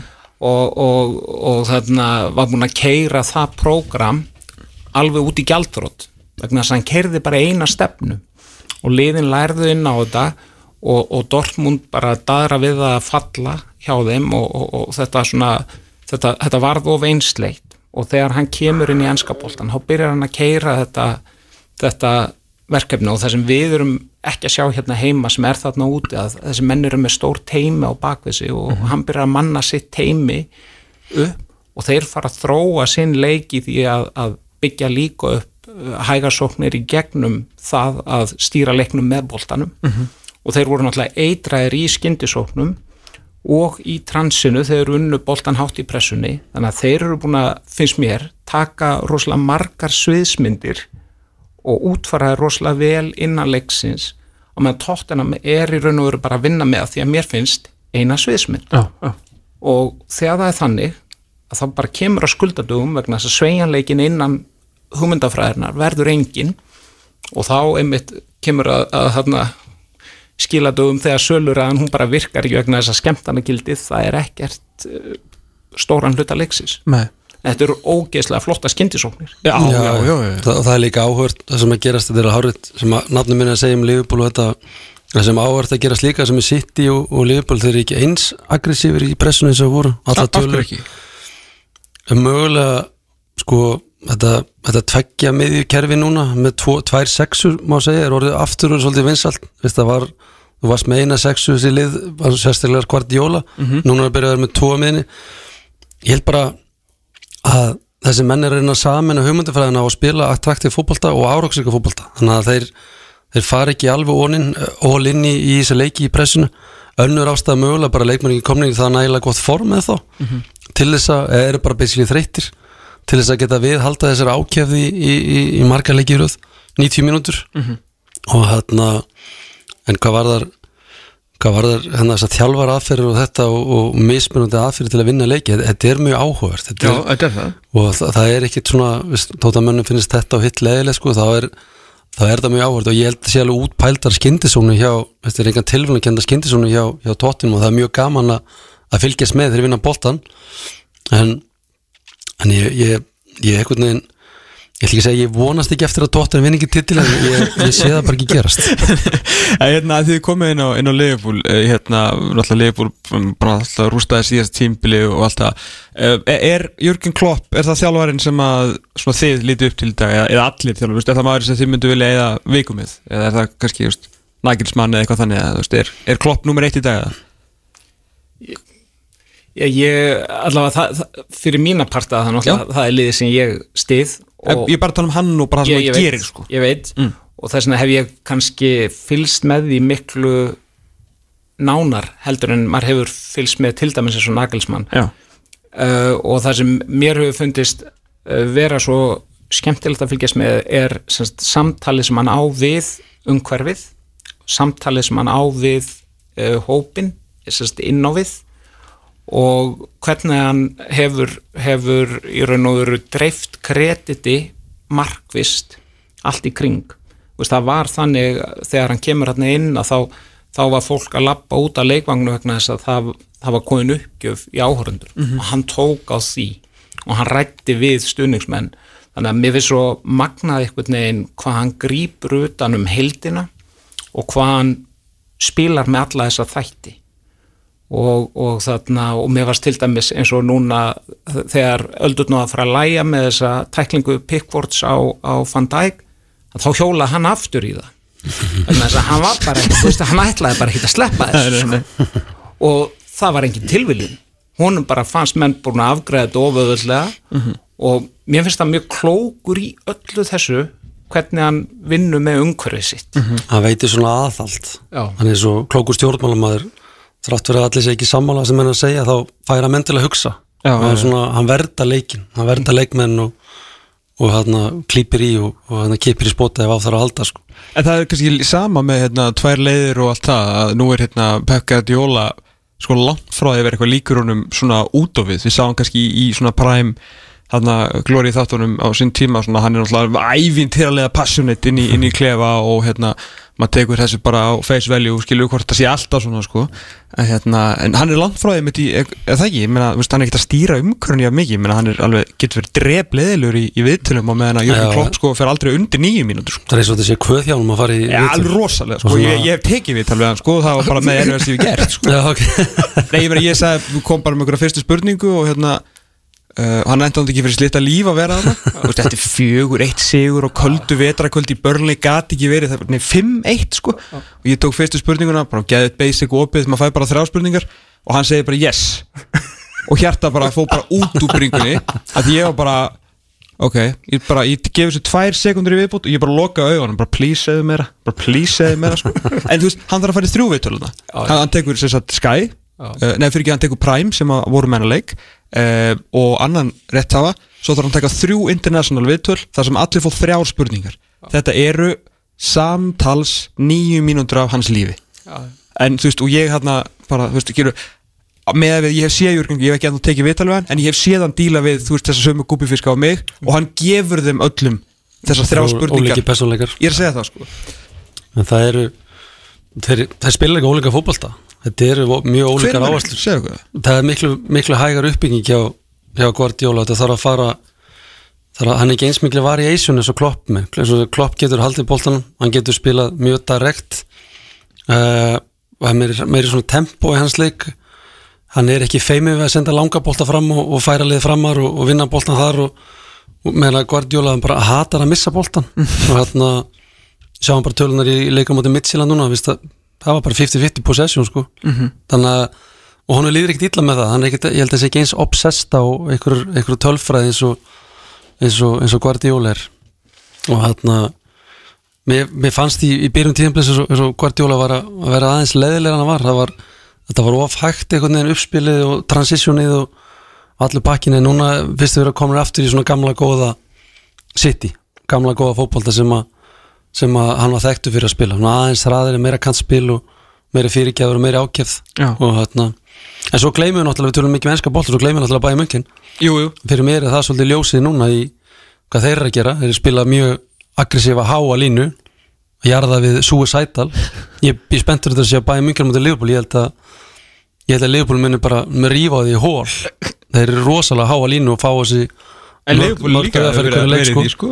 Já, þetta er trendið í dag það er að, það er að finna þess að svo kallega svona 22 metra á milli, milli sókna aftasta varnamanns og sóknamenn og svo lína bara helst alveg. Og lengsta bili sem er á milli varnamanns og sóknamanns er ekki þegar markmaður anstæðingum með bolta því að þá náttúrulega þurfa varnamann að vera hjá miðinni og það eru frá að víta til í, í miðjur hvað er 30 metra eitthvað slús það er lengsta bilið annars er þetta bara, og þetta er mjög þétt og þarna og mjög gaman að horfa á þetta. En þetta þú sér að bili, bara dæmi bili, helsta bili í Pepsi-dildinni er svona 35 metra mjög algengt. Mm. þannig að leikmenn er hrætti við að fá sendingu inn fyrir sig en Leifupúl og Sitt er ekki hrætti við það og ekki í bæinn Nei. Hvað- er eiginlega hvað vestir í þessu. Er taka svakalega sensa Og af hverju, hvað er, þú veist, hvað er trendið? Það er við pressan, það er vilja að vinna þetta línu og á maður engi Hinn senda er bara eigi ekkert að mæta í raun og þá veru. má engi senda boltan á millilínana Já. Og þá eru þeir leikmenn bara í góðri stöð til að bæða að vinna fram á við og síðan að vinna í tíu metra rattast fyrir aftur sig. Og með markmann sem kann að svípa líka. Það er líkillin í þessu. Já. Hva, Þú veist, hvernig, þú veist, er þetta Hvað þarf að æfa svona mikið? Þú veist, áttu við okkur eitthvað á því hvað fyrir mikið vinni þetta? ég, það, sem, það sem mér finnst í þessu sko, maður hefur ég, sérstaklega eins og uh, það sem ég hef ekki þjálfað í efstu deilt hérna á Íslandi en það sem mér hefur fundist í þessu er það að ef maður ætlar að keira línuna svona hátt þá má svo litlu skeika. Og ég veigra mér við því vegna þess að mistökin bara gæðin á leikmannunum eru þannig að, að það er erfitt að gera þetta mikla kröfur á þá og það er erfitt að leggja það á þá og að æfa svona mikið á þennan hátt. Og svo er hitt að, að, að það er domgæslan að það er, þú veist, þessi gaura sem er að fylgja þessum línum hérna úti mér finnst það ég bara að sleppa þessu varkjafta mér finnst það bara close enough og bara burt með þetta bull og látum þetta flæða. Þess að menn eru bara konir í aukaadriðin og eru að missa sjónur á því að aðaladriðin eru bara stórt séð hár rétt Já, og það er keift það er alveg hárið sko, því verri leikmið sem er með því meira trend er þá að falla tilbaka og taka þá Já. 22 metra bili í lágurninni sem að dæmi íslenska landslíki Jú, jú. Það er ekki klóknar það og það er meiri, náttúrulega miklu meira áhætt að stíga upp með liðið og að fram verður fótbolti miklu skemmtilegir svo leiðis, veistlan í dag fyrir mig er að horfa á Bayern og Liverpool Já. og City að mörguleiti og hérna það er að sem að þetta trend sem að sem að svona holy grail er að, veist, að vilja allir þjálfar að vinna leiki það er alveg klárt mál. En the holy grail fyrir þjálfar er að vinna leiki með stæl, ég held að það sé svolítið svona og, og Mourinho er, er alveg skýt saman það sko Já. og það er bara flott Já, það er bara hans. skiptir engum máli Nei. en ég held að þeir séu alveg obsessed að þessu en Guardiola og, og Kloppa þeir, þeir eru ekki að að kompensata sinn koncept og sitt, sinn stíl fyrir bara til að vinna leiki Nei.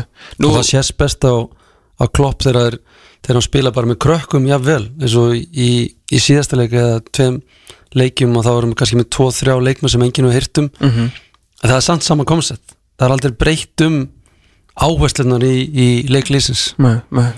En svo annar með klopp sko, þeir þykjast vera búin að hérna, ég man bara í hverju sáðum daginn og ég verðum ekki taka þennan kalla á þetta en þá hérna var einhver sem var að hérna, leikurina var að leikurina leifbúl og þeir telja sig að vera búin að fatta það að uh, Jürgen Klopp sko pressi mismunandi eftir hvað hérna, að, hver móst hérna, anstæðingurinn er.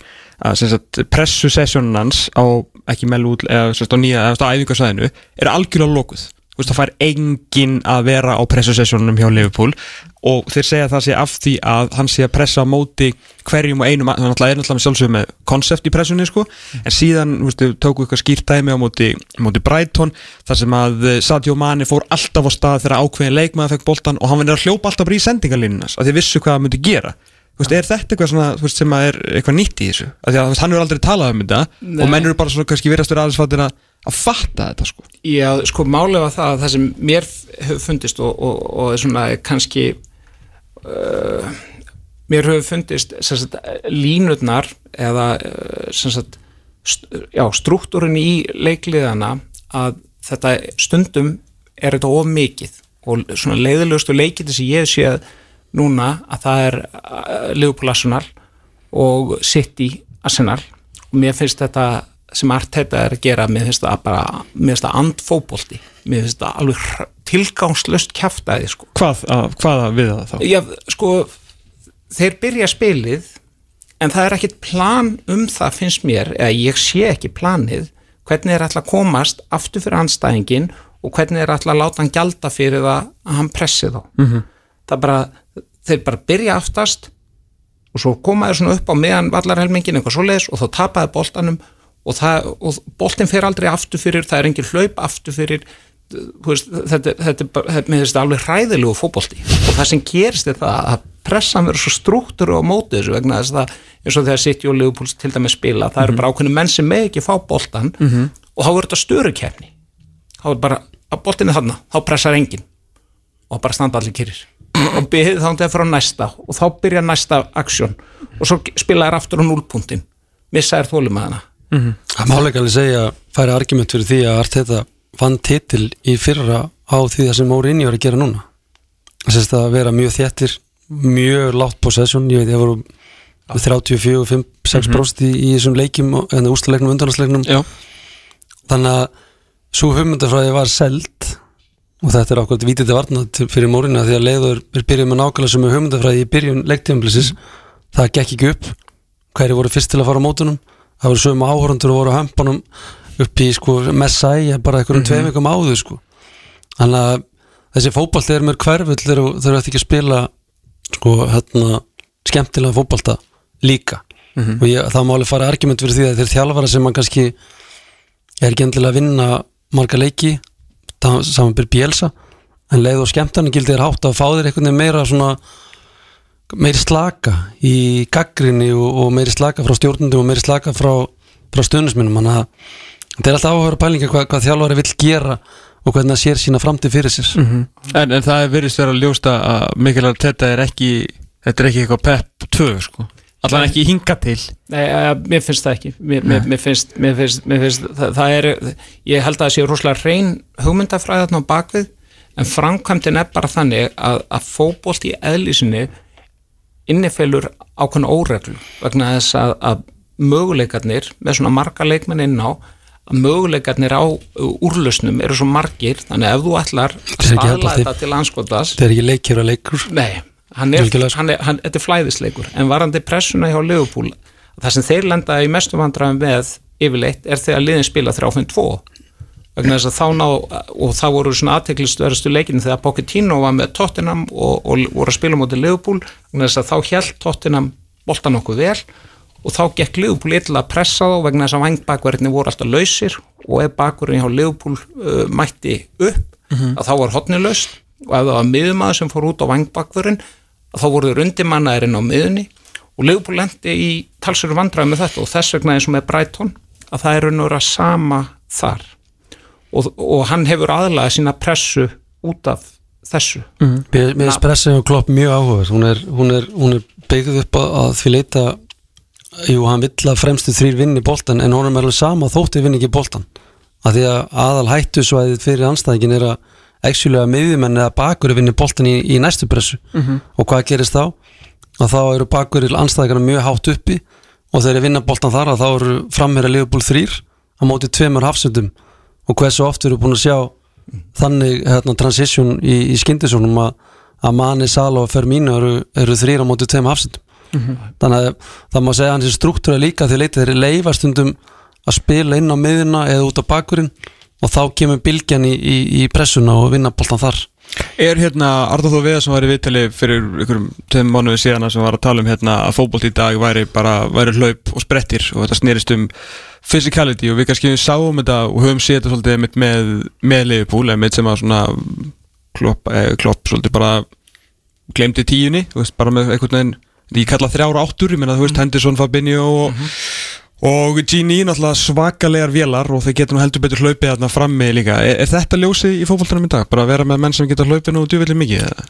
Já, ég meina, þú ert leikmaður að meðatali 2 til 4 mínútur með bolta í leik Einmitt, það rétt oft. ímyndaðir hvað hann er að gera hinnar sko 90 mínútur, 86 mínútur Mm. það er hlaup og haus þannig að þú ert með þetta combination að geta hlaupi og nota hausuna heilanar eitthvað aðeins að þá ertu komið langlega með að vera bara fínast í fótboltamæð Allavega eina af allarna síðan náttúrulega Já. veitum aldrei hvað Jackie Rellis er að gera á kvöldin. Ég gem mig það að flestir hafa svona ákveðna grundtækni í fótbolta. Já. Þannig að framfari í fótbolta núna verða í gegnum hérna, líkamann. Mhm. Það verður í gegnum hérna, bara pure physics. Hvernig getur þú bætt líkamann á að hlaupa hraðar og, oftar. lengra og oftar? Ég, ég er ég er aðeins ósamála þessu. Ok. Vegna þess að mér finnst þess að ef við tökum eins og til dæmis uh, Ronaldo og Nani að tæknilegu munur á þessum tveimur leikmönnum var held ég vart mæra, mælanlegur. Voru báðir últra tæknilega góðir, frábærir leikmenn. En munurinn á því og ég held að líkanlegu munur á þeim hafi ekki verið gríðalegur heldur. Ronaldo var sterkari en þegar þannig í byrjun þá var ekki gríðalegu munur á það sem var gríðalegu munur á var hvernig þeir skilju, skinjuðu rýmd, pláss og tíma.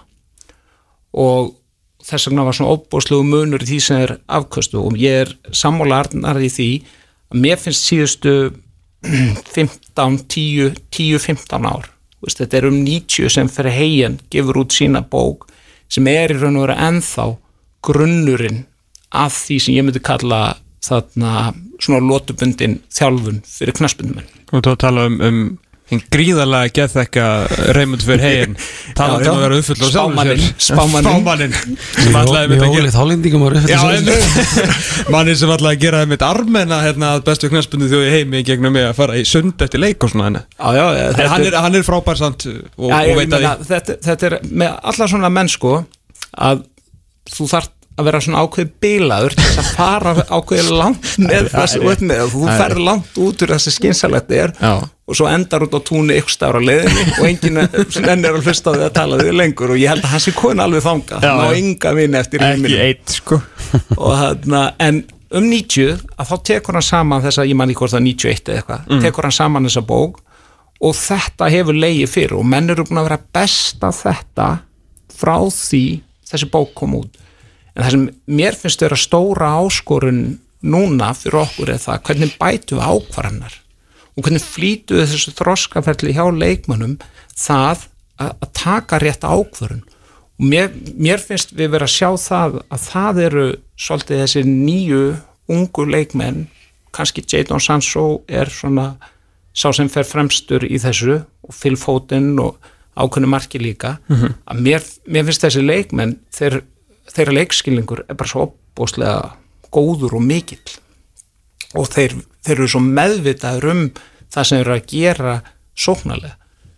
Við erum svo oft, við verðum svo oft og, og þú veist það var bara það, þegar ég var að spila og, og, og, og þá var þetta svo mikil æsingur. Þú veist, þetta var bara svo mikil djúvulgangur sko. að stóru hlutar enda þér að kenna oft en Já, ég, ég, bara, ég var miskilinn Það má, það má auðvitað leggja áherslu á tækni og, og leikskilning og allt það en þá að stundu kannski trenda af Íslandi núna er að leggja ómikla áherslu á út komið allar þessar hallir og allt þetta. Ég, ég vil meina það í að mjög mikilvæg tíðanbili til að gera þetta byrja að hlaupa og svoleiðis er ekki frá 14 til 16 ára og allt svoleiðis. Og það er ekki nægilega mikið gert að til að fá upp þetta grunnþól og ég sé þetta bara svo mikið núna eftir að maður byrja að þjálfa í mestalóki að fá strákur öðru flokki til maður að koma upp mestalókin það er svo langt á eftir. Ekkert endalega í fótball, það er bara langt eftir líkanlega. Mhm. þannig að megum ekki vera feimni líka í að láta strákan okkar og stelpur hlaupa þess, aðeins að fá smá fitness upp að því að alveg saman hversu góður þetta fótball það ert ekki fitt og svo þá ertu bara skilin eftir í, hinnu nútímanleik og ég held að bíli verið ennþá meira eftir 5-10 ár. Lítum en það segum við bara til að koma okkur aðeins hérna heim því að ég og Elvar eru búin að vera að spjalla við mikið af, af hérna, svona sérfæðingum, þjálfurum og, og fleirum og, hérna, einmitt um þetta svona, hvernig ætlum við að vera betri? Við erum öll svolítið í sárum eftir, eftir Európu fyrir þetta hetjuna bara til okkar manna sem að bara smá op á sí að hérna, sómi Íslands og allt það. Að hérna einmitt þessi aldur sem að þú minnist á hérna er það sem að allir eru sammálu með verðum eftir á í. Uh, hvað, hvað er til ráða? Þú veist, alltaf mikið verið rætt um að hérna, að taka skrefum eða svolítið bara svona búa til afreikshóp í fjóraða þriða flokki Bjarni Guðjóns og talaði um að hann veldi bara fá taktískar æfingar strax á 11 manna velli og þeir sem væri tilbúinir í það, væri bara tilbúinir í það aðri væri á annar staðar. Erfið samtölu að taka því náttúrulega, þú veist hún kannski meira verið í yngir flokkum aðnar það er kannski ekki allir fóreldrar sem að hoppa hæðsina eða að fara getu skipta á þannig, ég meina þetta er Ég, sko, er það, það er hægt að taka eh, bæði tækni og taktík fyrir með bara fjóra til sex leikmenn. Þú, þú, þú þarft ekki að vera með 11 og þú þarft ekki að sko, skuggaleikur eh, í sjálfu sér eh, er eitthvað sem menn nota orðið bara í undantekninga tilfellum uh, til þess að þjálfa taktík. Uh, það er kannski bara til þess að hæja á og skoða ykkur ákveðum moment en þetta var megin öll, allavega eins og þegar ég var að spila þá var, þá var þetta leiðin til að kenna taktík og menn tóku út fyrir þetta og, og, hérna, og fannst þetta svo leiðilegt Einmitt. og leiðin til að kenna taktík finnst mér að það veist, og það var maður aðeins að sjá í deildinni hjá okkur síðasta sumar og það, það var ólík samvinna eins og til dæmis káringarna voru með þetta að leysa inn að miðjunni finnur orri leisti út til hægri og, og þegar allir kom niður og kenni kom ekki og þeir náðu leik eftir leik náður að skapa út á þetta. Og bara vegna þess að þetta var pínlítið öðrisi og þetta er ekki meira en þryggja manna kombo. Nei. þannig að þú, þú þart ekki að vera með 20 leikmenn til að búa til þetta en ég held að það sé alveg rétt sem, sem Bjarni er að segja, við þurfum að vera meira konsekvent í því einhvern veginn að þeir sem eru tilbúin til að læra svona samvinnu, hvernig notum við þetta plás, hvernig ætlum við að halda þessu plásu opnu fyrir einhvern annan til þess að nýta það? Og, og, hérna, og það er áskorun en hún, það þarf ekki að taka 20 til þess að, æfa tækni. Fyrir mér við þurfum að taka vísindi miklu minn inn í þetta. Sko, Leopold er englansmesta núna þegar þeir eru með tölfræðin og allt á reynu þeir velja leikmenn, kaupa leikmenn eftir öllum þáttum leiksins. Hlaupalega tölur hversu oft menn skila sér í bóks og svo leis og ef við tökum 14 ára strák stelpu núna í dag við þurfum að byrja að mæla þann einstakling sem er mjög efnilegur og þeir sem eru líklega til að ná árangur og vilja leggja að harta sér mæla þá hversu líkanlega geta þeirra verður. Þjálfan eftir því þeir þurfa að fara alveg næringu. Leikmenn er úti sem eru búin á æfingu þeir fá morgumat áður en æfingi byrjar það sem er að dæli á brótinu og kolvetni.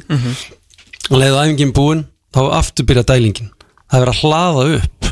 Þannig að veist, það er alveg frábært að hafa tækniæfingar og, og taktískar æfingar en ef að líkanlega þátturum fylgir ekki með fitness, næring andlega þátturum þá verður ekkert úr þessu leikmenn þannig að þetta verður að vera heilda pakkin sem þarf að taka og hafa heilda myndina uh, alveg á hreinu. Já, þetta er kannski sem vorum um þetta ræði hérna, við hvernig var það með skoskuleðina sem vorum hérna svona sem er svona hálf uh, akademju pæling, þú veist, að fá skólan inn í þetta og, og svona þeir bestu geti Já, ég meina, frakkarnir er með sitt Claire Fontaine Project. Já, og það getur verið með tíu landslið sko. Það er jú, maður tekur bara sér eftir, ég heyrði þegar Siggi Jóns fór með skagan til Darby á, á síðast ári, það var Champions League fyrir sérst annarflokkin mm.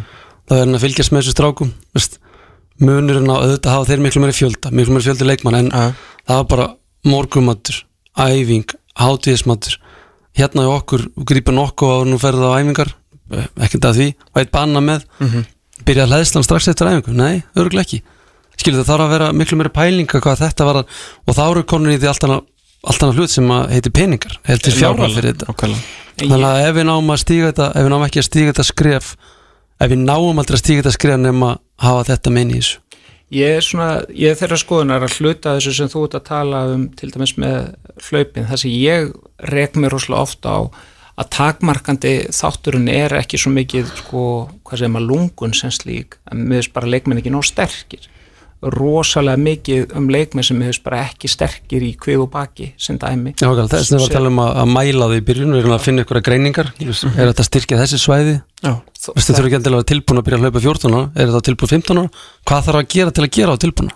og þetta verður svo mikið takmarkandi þáttur í þessum stefnubreitingum og vegna þess að þú veist, meðalspretturinn er rétt í kringu 5 metra sem því að það eru endurlösa start-stopp og stefnubreitingar þannig að það reynir alveg greiðarlega á, á kvið og bak.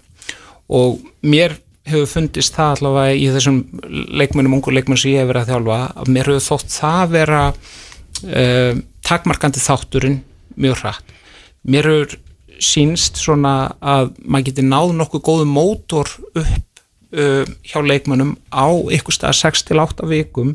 Þá getur maður ná að bæta grunnþólið ansi mikið, en svo er þetta sérhæða knaspinu þól sem er endurteknir high intensity sprettir að það er uh, fljótast að fara og það er erfiðast að sækja. Mm. og ef grunnurinn er ekki nógu góður þá nærðu aldrei að vinna með þetta. Og það er til dæmis að því að mér fyrst stóri munurinn til dæmis þú þjálfar í annari dild eða Inkasso eða Pepsi að það er í raun og veru grunnpunktur sem spytni frá þegar undirbúinsi tímbli hefst að- þetta súka svo mikið eftir því sem þú þrepast niður í deildunum Mhm. þá verður bara grunnpunkturinn, hann verður alltaf neðar og neðar. Þannig að menn eru raun og veru alltaf að æfa eins og þessi bara groundhog day. Þeir eru bara, veist, þeir bara hjóli jógurt á sama staðanum mér hefur fundist þetta að vera batna mjög mikið uh, í Pepsi-deildinni. Mér hefur sínst það. Og ég er alveg sammála arnar í því að, að það er hugsa miklu meira um leikmenn en ég er svona svolítið þeirra skoðunar að við, við, við það sem við getum gert er að auka fræðsluna og ábyrð leikmannsins á sjálfum sér. Já, einmitt. Og ég held við eigum að fara þá leið og mér hefur fundist þessi ungi leikmenn alveg ótrúlega svona viljur til þess að tilenga sér hluti og hérna svona ef þeir, finna lyktin af árangri þá, þá, þá vilja þessi krakkar þetta alveg rosalega tilbúin til að leggja harta að sér. Og ég held við erum að finna ykkur svona leiður og vinna með þessa leiður þess að þarna liggja okkar styrkleikar að það er líka gott að, að það reyna á okkur á aðra vegu heldur en bara í fótbolta sko. En það er kannski auðvitað þurfum við í okkar umhverju að leggja meiri já, ábyrða á einstaklingin sjálfan og meiri sig að þó að hann haldi hann sig að gera það, ég meina hann, hann fær sér góða morgumat, hann fær sér góða mat eftir hérna, eh, eftir æfingu en þá er samt, skiluru, ungur strákur eða ung stúlka, þú veist, það er skóli það eru ástir og örlug ég meina meiri sig að sko atvinnumenn hérna gátt ekki svona komið, þú veist, er hótelgistingu og þess að, þú veist, þetta í smá þú veist, hérna, nammi og eitthvað, skiluru ég meina, þú svona er þetta, er bara ungt fólk. Þú veist, það er alltaf gerast, þú veist, það er heima vinna og ég veit ekki hvað og hvað og hvað. Uh, ef þú talar, þú veist, ég náttúrulega margir sem tekið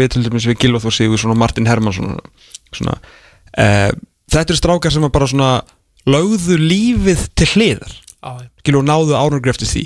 Já. og það er kannski anskoti hæpið að halda við sem að fara að fá skilur einhverja tugi af krökkum sem gera þetta.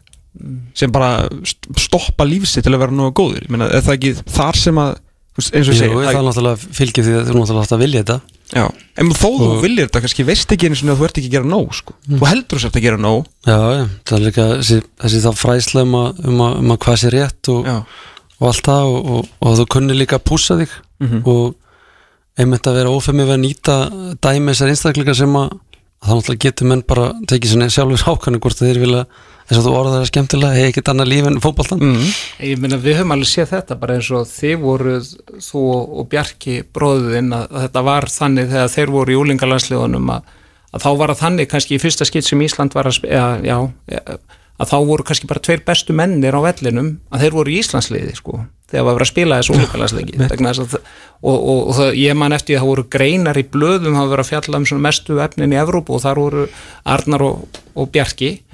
Og það sem ég held að hafi gest þar til dæmis uh, veist, að ég held að umhverfi hafi brúðist þeim í því ástæðan fyrir það þeir fóru ekki alla leið og urðu bara megastjörnu sko Mm. vegna þess að hæfileikarnir meða við það sem var í kringum þá að þa- það, þeirra hæfileikar voru trúlega meiri heldur en hjá þeim sem voru í kringu en, en þeir einmitt voru að halda mörgum boltum á loftu, voru að spila í mörgum flokkum Mhm. og var lagt alveg gríðarlega mikið álag á þá held ég of snemma svona svolítið self-made gríðarlega náttúrulega hæfileikar er náttúrulega, óbílandi vilji og, og hungur og svona og þið Mhm. vissu ekki til náttúrulega bara spilu það sem eitthvað var sagt að spila, það er gul treyja fyrir framann okkur á var bolti. bara gaman sko. En svo líka annað dæmi nú með Ísak, Ísak Bergman Já. hann verðist vera svona típa sem að er tilbúin til að fara all in. Og hann að og hefur áhuga á fótbolta sem er nýtt það virðist það að fínan áhuga á fótbolta líka sko.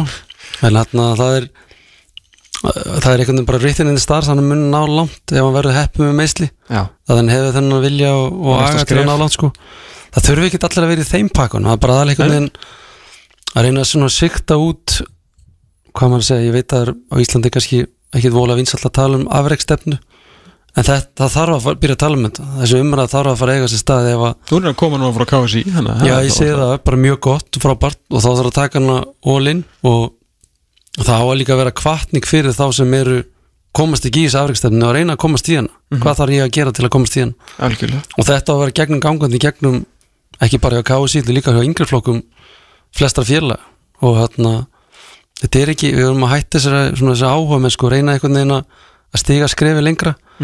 Og bara framför fyrir, fyrir ungan dreng sem er í sjöttalóki sem er í, í sélöfinu framför fyrir hann er að komast í bjeli hann þarf ekki endilega að komast í aðlið Nei. en þurfum að temja þennan hugsun átt hjá, hjá krökkunum okkar að reyna að, reyna að, notfara sér sinni metna í, í knaspinu Ég get náttúrulega ekki fengið ykkur í, í hús á þess að tala um, um, um landsliðið fyrst, þið- eru þarna, ég veist Arnar, ég veit þú trúur á kraftverk, segir sjálft við vorum öll á lögðarsvellinum í fyrra. Eh, en trúur á eldurkomur Lars Já. Lagerbäck? Já, Lars Lagerbäck. Uh, Ég er ekkert svo viss sko.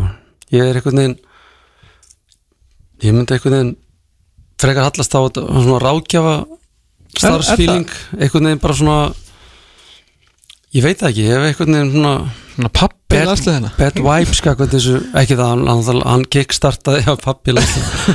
hann kickstartaði allu þessu dæmi hjá okkur og öllum draumunum og ég, held, ég, ég veit ekki, mér finnst einhvern veginn að Að koma þú hafur ekki sagt já, segir svolítið margt Ég sko. mér finnst einhvern veginn konið frá þeim stað núna Já. einhvern veginn mér finnst við við þurfum að taka skrefið fram á því við þurfum að fara að pæli meira hvernig við ætlum að halda við fyrir mér er, er sannleikur um hvernig liðið er að spila og, og Ég það hef hefur 11 gengið þjálfara í Pepsi Max-dildinni sem er ósamallegar Já. og láta mjög mjög, láta fyrir mig að fara til að láta mig vita því. Já, sko, það eru bara tvö, það bara tvö koncept í leik, annars var hvernig, hvernig leikurinn var spila og hvernig leikurinn enda, þetta er ekki tvö sömu koncept, sko, og oftar en ekki er náttúrulega best að þessi koncept fylgjast hend í hend, það er að segja að þú uppskýr eins og sáur, en fótboll er bara það frábær íþrótt að, að oftar en ekki þá gerist það ekki bara, og hérna og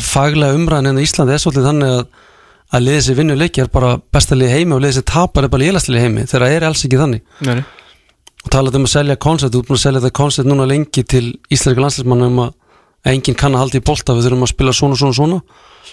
En ég held núna sér tækifæri actually að stíga smá skref fram á við og, og KSI þarf að kannski að, að þóra líka að gera kröfur á að vera kannski með sitt eigi koncept, hvernig, hvernig vill, viljum við að landslega okkar sé að spila og, og þjálfarnir sem ráðin verður í kjölfarið hann verður ráðin hvað það varðar. Og hérna og ég held núna að sér fullkomið tækifæri að, að breyta aðeins um kúrs gera, veist, hérna, halda í það sem við hefum gert mjög vel og, la, og reyna að bæta okkur aðeins í, í knaspilu þáttun lýsis og, og það er einhvern veginn það er allan myndur um að, að það mun gerast. Hvað segir þú Arnar? og ég sé það ekki gerast með las, sorry. Nei, nei, ég held að það sé alveg hárið tjóðar Ég held að við getum örgulega örgulega náði í úrslit en á bara sömu gildunum sko. Hva, Hvað veist þér, Arnar Hallsson? Viltu sér það hann koma aftur, sér það sem gott skref? Eða ertu sammálafnaðin um að að Ég- nýta ég- tækifærið uppa uppa possession, uppa sendingar breyta leiknum eitthvað? Mér, ég er eiginlega mjög sammála Arnari sko, vegna þess að mér finnist eh, það að vera einhvern veginn að reyna að halda í þarna gamlan draum, að reyna að vekja hann upp aftur. Á meðan það er kannski meira tækifæri núna að taka eitthvað stefnum mótandi skref fram á við. Já, um, hvað það hver væri bestur í það? Það, það sem ég hef áhyggjur að mér finnst við hafa sofið á verðinum rosalega lengi og, og þarna og ég óttast að við séum uh, að enda talsvist og eftir en trúlega er þetta þannig að, að vonandi getur Ísak Bergmann orðið eitthvað talent sem er á Evrópumæli hverða um, Andri Lukas Guðjónsson kannski líka. Jón Dagur. Jón Dagur, er, er það á Evróputalant? Ég, ég, Já, þú meina svona eitthvað svona ég, ég er að tala um bara Albert líka, getur stíð upp Albert Guðmus Já. ég, held, ég held að byrjunlokkar í næstu keppni verið mjög stert þetta er ekki jú, það getur vel verið að Hannes sérst verði ekki í byrjunlismann nummer eitt og en það gefur okkur tækifæri á, á breyta hans og leikstila því að Rúnar er frábær í fótunum. Mhm.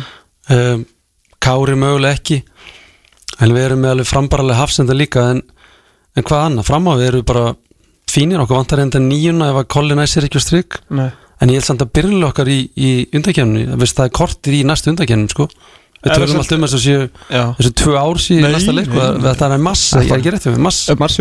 Þannig ég held að byrjunlega, við myndum setja byrjunlega Íslands upp í dag og allir heilir það er mjög stert lið. Það er, ekki, líka, er líka bara sama lið að já, það ég gefum okkur sko. það, það, já, nákvæmlega. Það er Hannes mögulega, Kári mögulega. já, það eru svona þrjár fjóra stuður, þrjár stuður. Þannig að við erum alltaf að tala um þess að sé eitthvað svona við erum að fara að leggja stað í undakjarni háum með mjög lélætli, það er alls ekki svo. Það er ég er mjög bjassitt fyrir höfnd íslensk narspinni, svo eru Tuttlands landslið með frábæra nánungur. Mhm.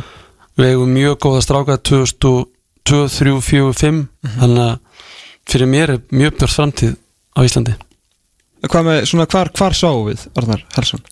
Hvar, Á verðinum. Hvar sváðu þið? Já, Eh, mér, mér hefur bara fundist bæðið, veist, og nú er það kannski bara, veist, og þetta snýst ekki um einstaklinga, nei, nei. En mér finnst það kannski vera þannig að, að, að við erum með miðjuna á landsliðinu þar sem við erum, við erum trúlega svona, já, við erum leiðinni niður, niður á við hjá þeim leikmenn, þeir eru búinir að toppa og við tökum bara alla fjóra, það, þá finnst mér það einhvern veginn þannig. Og við erum eins og mér finnst með hérna hann eh, hérna Arnur sig. Mhm. ég hefði haldið að, að hann hefði átt að vera komin inn einhvern veginn, að við hefum átt að vera búin að fasa hann inn. Og mér, ég hef svona pínu áhugjur að þessu vegna þess að ég hérna, upplýði þetta í víkinni þegar vikingu var ósefandi í handbolta og þarna, svo hættuður allir á einu, einu ári og þetta bara, veist, það var bara eðimörk eftir og ég óttast það svolítið hjá landsliðuna, það er svolítið margir sem er á sama skeiðinu og við höfum ekki um, fasað inn, finnst mér nægilega markvist uh, leikmenn vegna þess að það sem gerist er það, veist, eins og til dæmis bara með Alfons Samsteð, hvað myndi gerast ef hann er bara valinn í landslið, að landslið hans prófíl myndi hækka og þá kannski kæmist hann er keiftur í Belgiu eða Holland eða Þískalandi eitthvað og hans fyrir kæmist á næsta skrið þannig að uh, stig. Og, og, og það er kannski svolítið, við þurfum kannski að hugsa þetta svolítið strategist líka með þetta hvernig við hjálpum þessu leikmönnum að komast og taka næsta skref á sínum ferli þannig að, að hagur landslýsins verði líka sem mestur.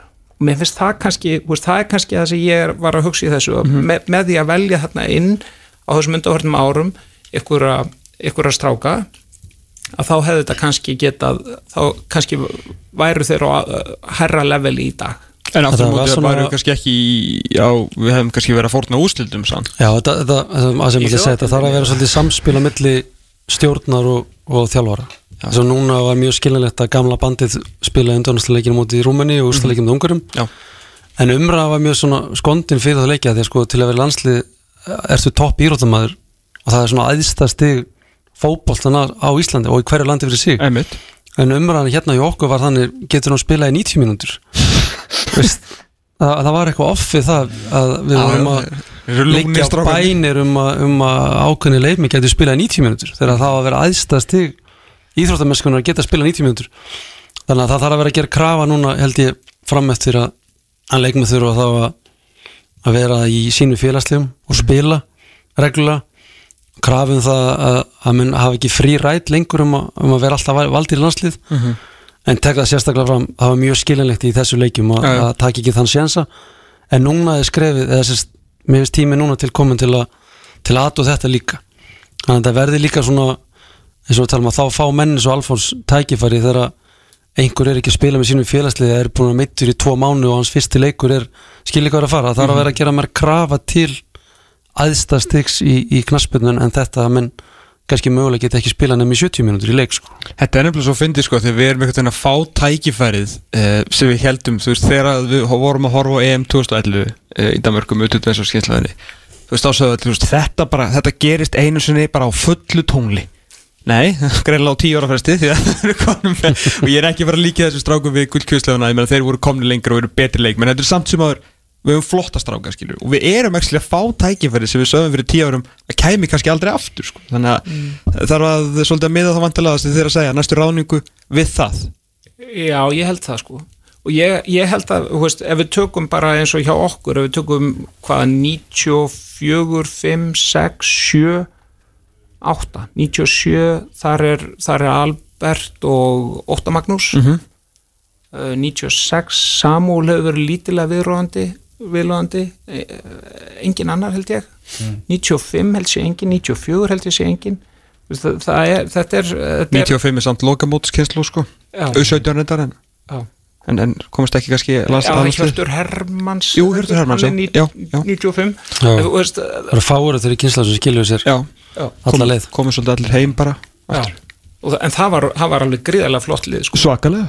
Og þarna, þannig að mér finnst svona einhvern veginn sko, við, við fáum efni við og við þurfum einhvern veginn að hafa eitthvað plan hvernig við, hvernig við ætlum að vinna úr þessu. Og það þarf að vera veist, þetta, þetta er samspil. Landslið, auðvitað er það þannig að bestu leikmennir er að spila Mhm. og þá er að ná bestu úslitornu sem uh, hægt er að ná. En við þurfum líka að plana held ég fram í tíman og átt okkur á því hvernig við getum komið leikmanni á þennan stað eftir 2-3 ár vegna þess að það mun þýða góða hluti fyrir landslið auðvitað er það síðan leikmannsins að klára vinnuna. Auðvitað þarf hann að standa sig og, og, og taka þessa þróun. En ég trúi því að þetta geti verið svona eitt þáttur í því að hjálpa þeim með sem feril. Það er, uh, þeir býða við uh, líklega borðin uh, fyrirsagnar skrýpendar landsins, strákar, er eitthvað er eitthvað nafn í umræðinni eða eitthvað annan nafn sem að þið er eitthvað nafn í umræðinni sem að þið getur séð sem að bara þið eru spenntu fyrir að taki við þessu? Kannski er ekki sérstaklega mörg en ert þú Arnar Gunnlaugsson með uh, nafn sem að þið langar að þjálfa þetta landslið hvort sem það hefur umræðin ekki? Bara halda okkur við nafni Arnar. Já, Arnar Þó Viðarsson. Já, Já. ég lýst mjög vel að það. Bara Eh, út á nafninu þá eða? Já, það er lítið á nafninu En já, er eitthvað veist, Hann er Aldur, já, hann er þóst að 41 tveggja ára, eða ekki, Jú, svo jú. sé ungu maður. Nei, nei. þó hann sé ekki gamalmenni. Hann hefur fína reynslu.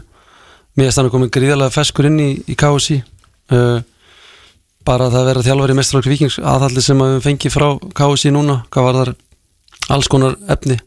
Og hérna áraku 20 hanslið var frábær. Hann hefur svolítið það hefur ekki nægilega verið að tala um hversu frábær árakur þetta er. Þetta var, var mjög sterkur reyðli Írland, Ítalja, Svíþjóð mjög sterkar þjóðir. Virtust þér að missa þetta úr buksunum algjörlega, við. sko, algjörlega og, og hann síndi svona taktiska kennsku í þeim leikjum. Mm talandi um að að uppgræta unga leikmenn kannski, hann er þá best það. til fallina því hann þekkir það. Og eitthvað svona fest, fest blóð þannig að hann fær, fær mitt allkvæð Halsson ég, sama ég, bara ég hef talað lítilega við þarna Arnar Þór og, og hann er hann er búin að hugsa þetta mjög djúft ja, við, við þarna notum COVID til þess að taka hérna fund saman til þess að tala um taktík og, og hann er með sitt alveg á reynu og er náttúrulega algjör eðal, eðal maður þannig að ég er sammála Arnar í því að, að það er besti maðurinn Já, fyrir okkur fjölmjörnmenn held ég að við séum líka mjög spenntir því að hann er mjög ólíkur mörgum við KSI og segir hlutir að svolítið bara beint út sko. Já. Það er svona, við erum ekki alltaf jafn svona vanur því en hann er alltaf virkar, virkar mjög flottur sko. Já, það er mjög líka, hreint það er líka, líka frábær rómatík fyrir ísleika þjálfara að- að ef ætlar að fara að velja til þess að heimir rúnar að verluna þjálfara fyrir góðan, þess að fyrir frábæran fyrir en ég, veginn, ég er bara það eigingjarn að ég hef aldrei unni heimir og rúnar sem þjálfara. Þannig ég vil hafa lengur í bestinni en það er líka, mér finnst það líka sexy hugmynd að, verðluna þjálfara fyrir sinn feril með því að gefa honum svona því ultimate prize sem Já, er að þjálfa já, þína, þitt land. Já, en ekki núna. Ekki núna, nei. Arnar Viðars náttúrulega með við 50 landsleiki sjálfur á, á ferðlunum Arnar og Arnar vilja Arnar það er sín fyrir seg Það er fyrir sagn held ég bara klár. Uh, Arna Gullarsson, þú mátt alltaf æfa. Ég ætla ekki svona að fara að byrja og ég ætla að Halsson geti verið í klukkutíma viðbót að tala um svona COVID-reglur og svona er ég skildi ekki. Ég skildi ekki. Herru, hrigalega gaman að fá okkur. Takk fyrir að koma og gefa okkur svona langa tíma á, á lögadegi Búið að aðeinslega að spjalla við ykkur uh, Ég og Elvar erum bara tæmdur þennan uh, lögadaginn Tölum við Helga Kolvis hér sem var stattur á, á tónglinu uh, Var erfitt samtal svona í delayinu en, en flottur einhverja síður fórmaðis yfir landsliðsmáluna sjálfsög Minnum á mannsæstuslæðin í beinni á Siemens Sports frá klukkan 5 í dag eh, Logi Bergmann mætir á, á skjáinu Siemens Sport með Eði Smára Guðursen gestur Dimitar Berbatov. Þetta verða mjög áhugaverður leikur en ég vel var að verða minn aftur eftir 6 daga og 22 tíma þangað til, verið sæl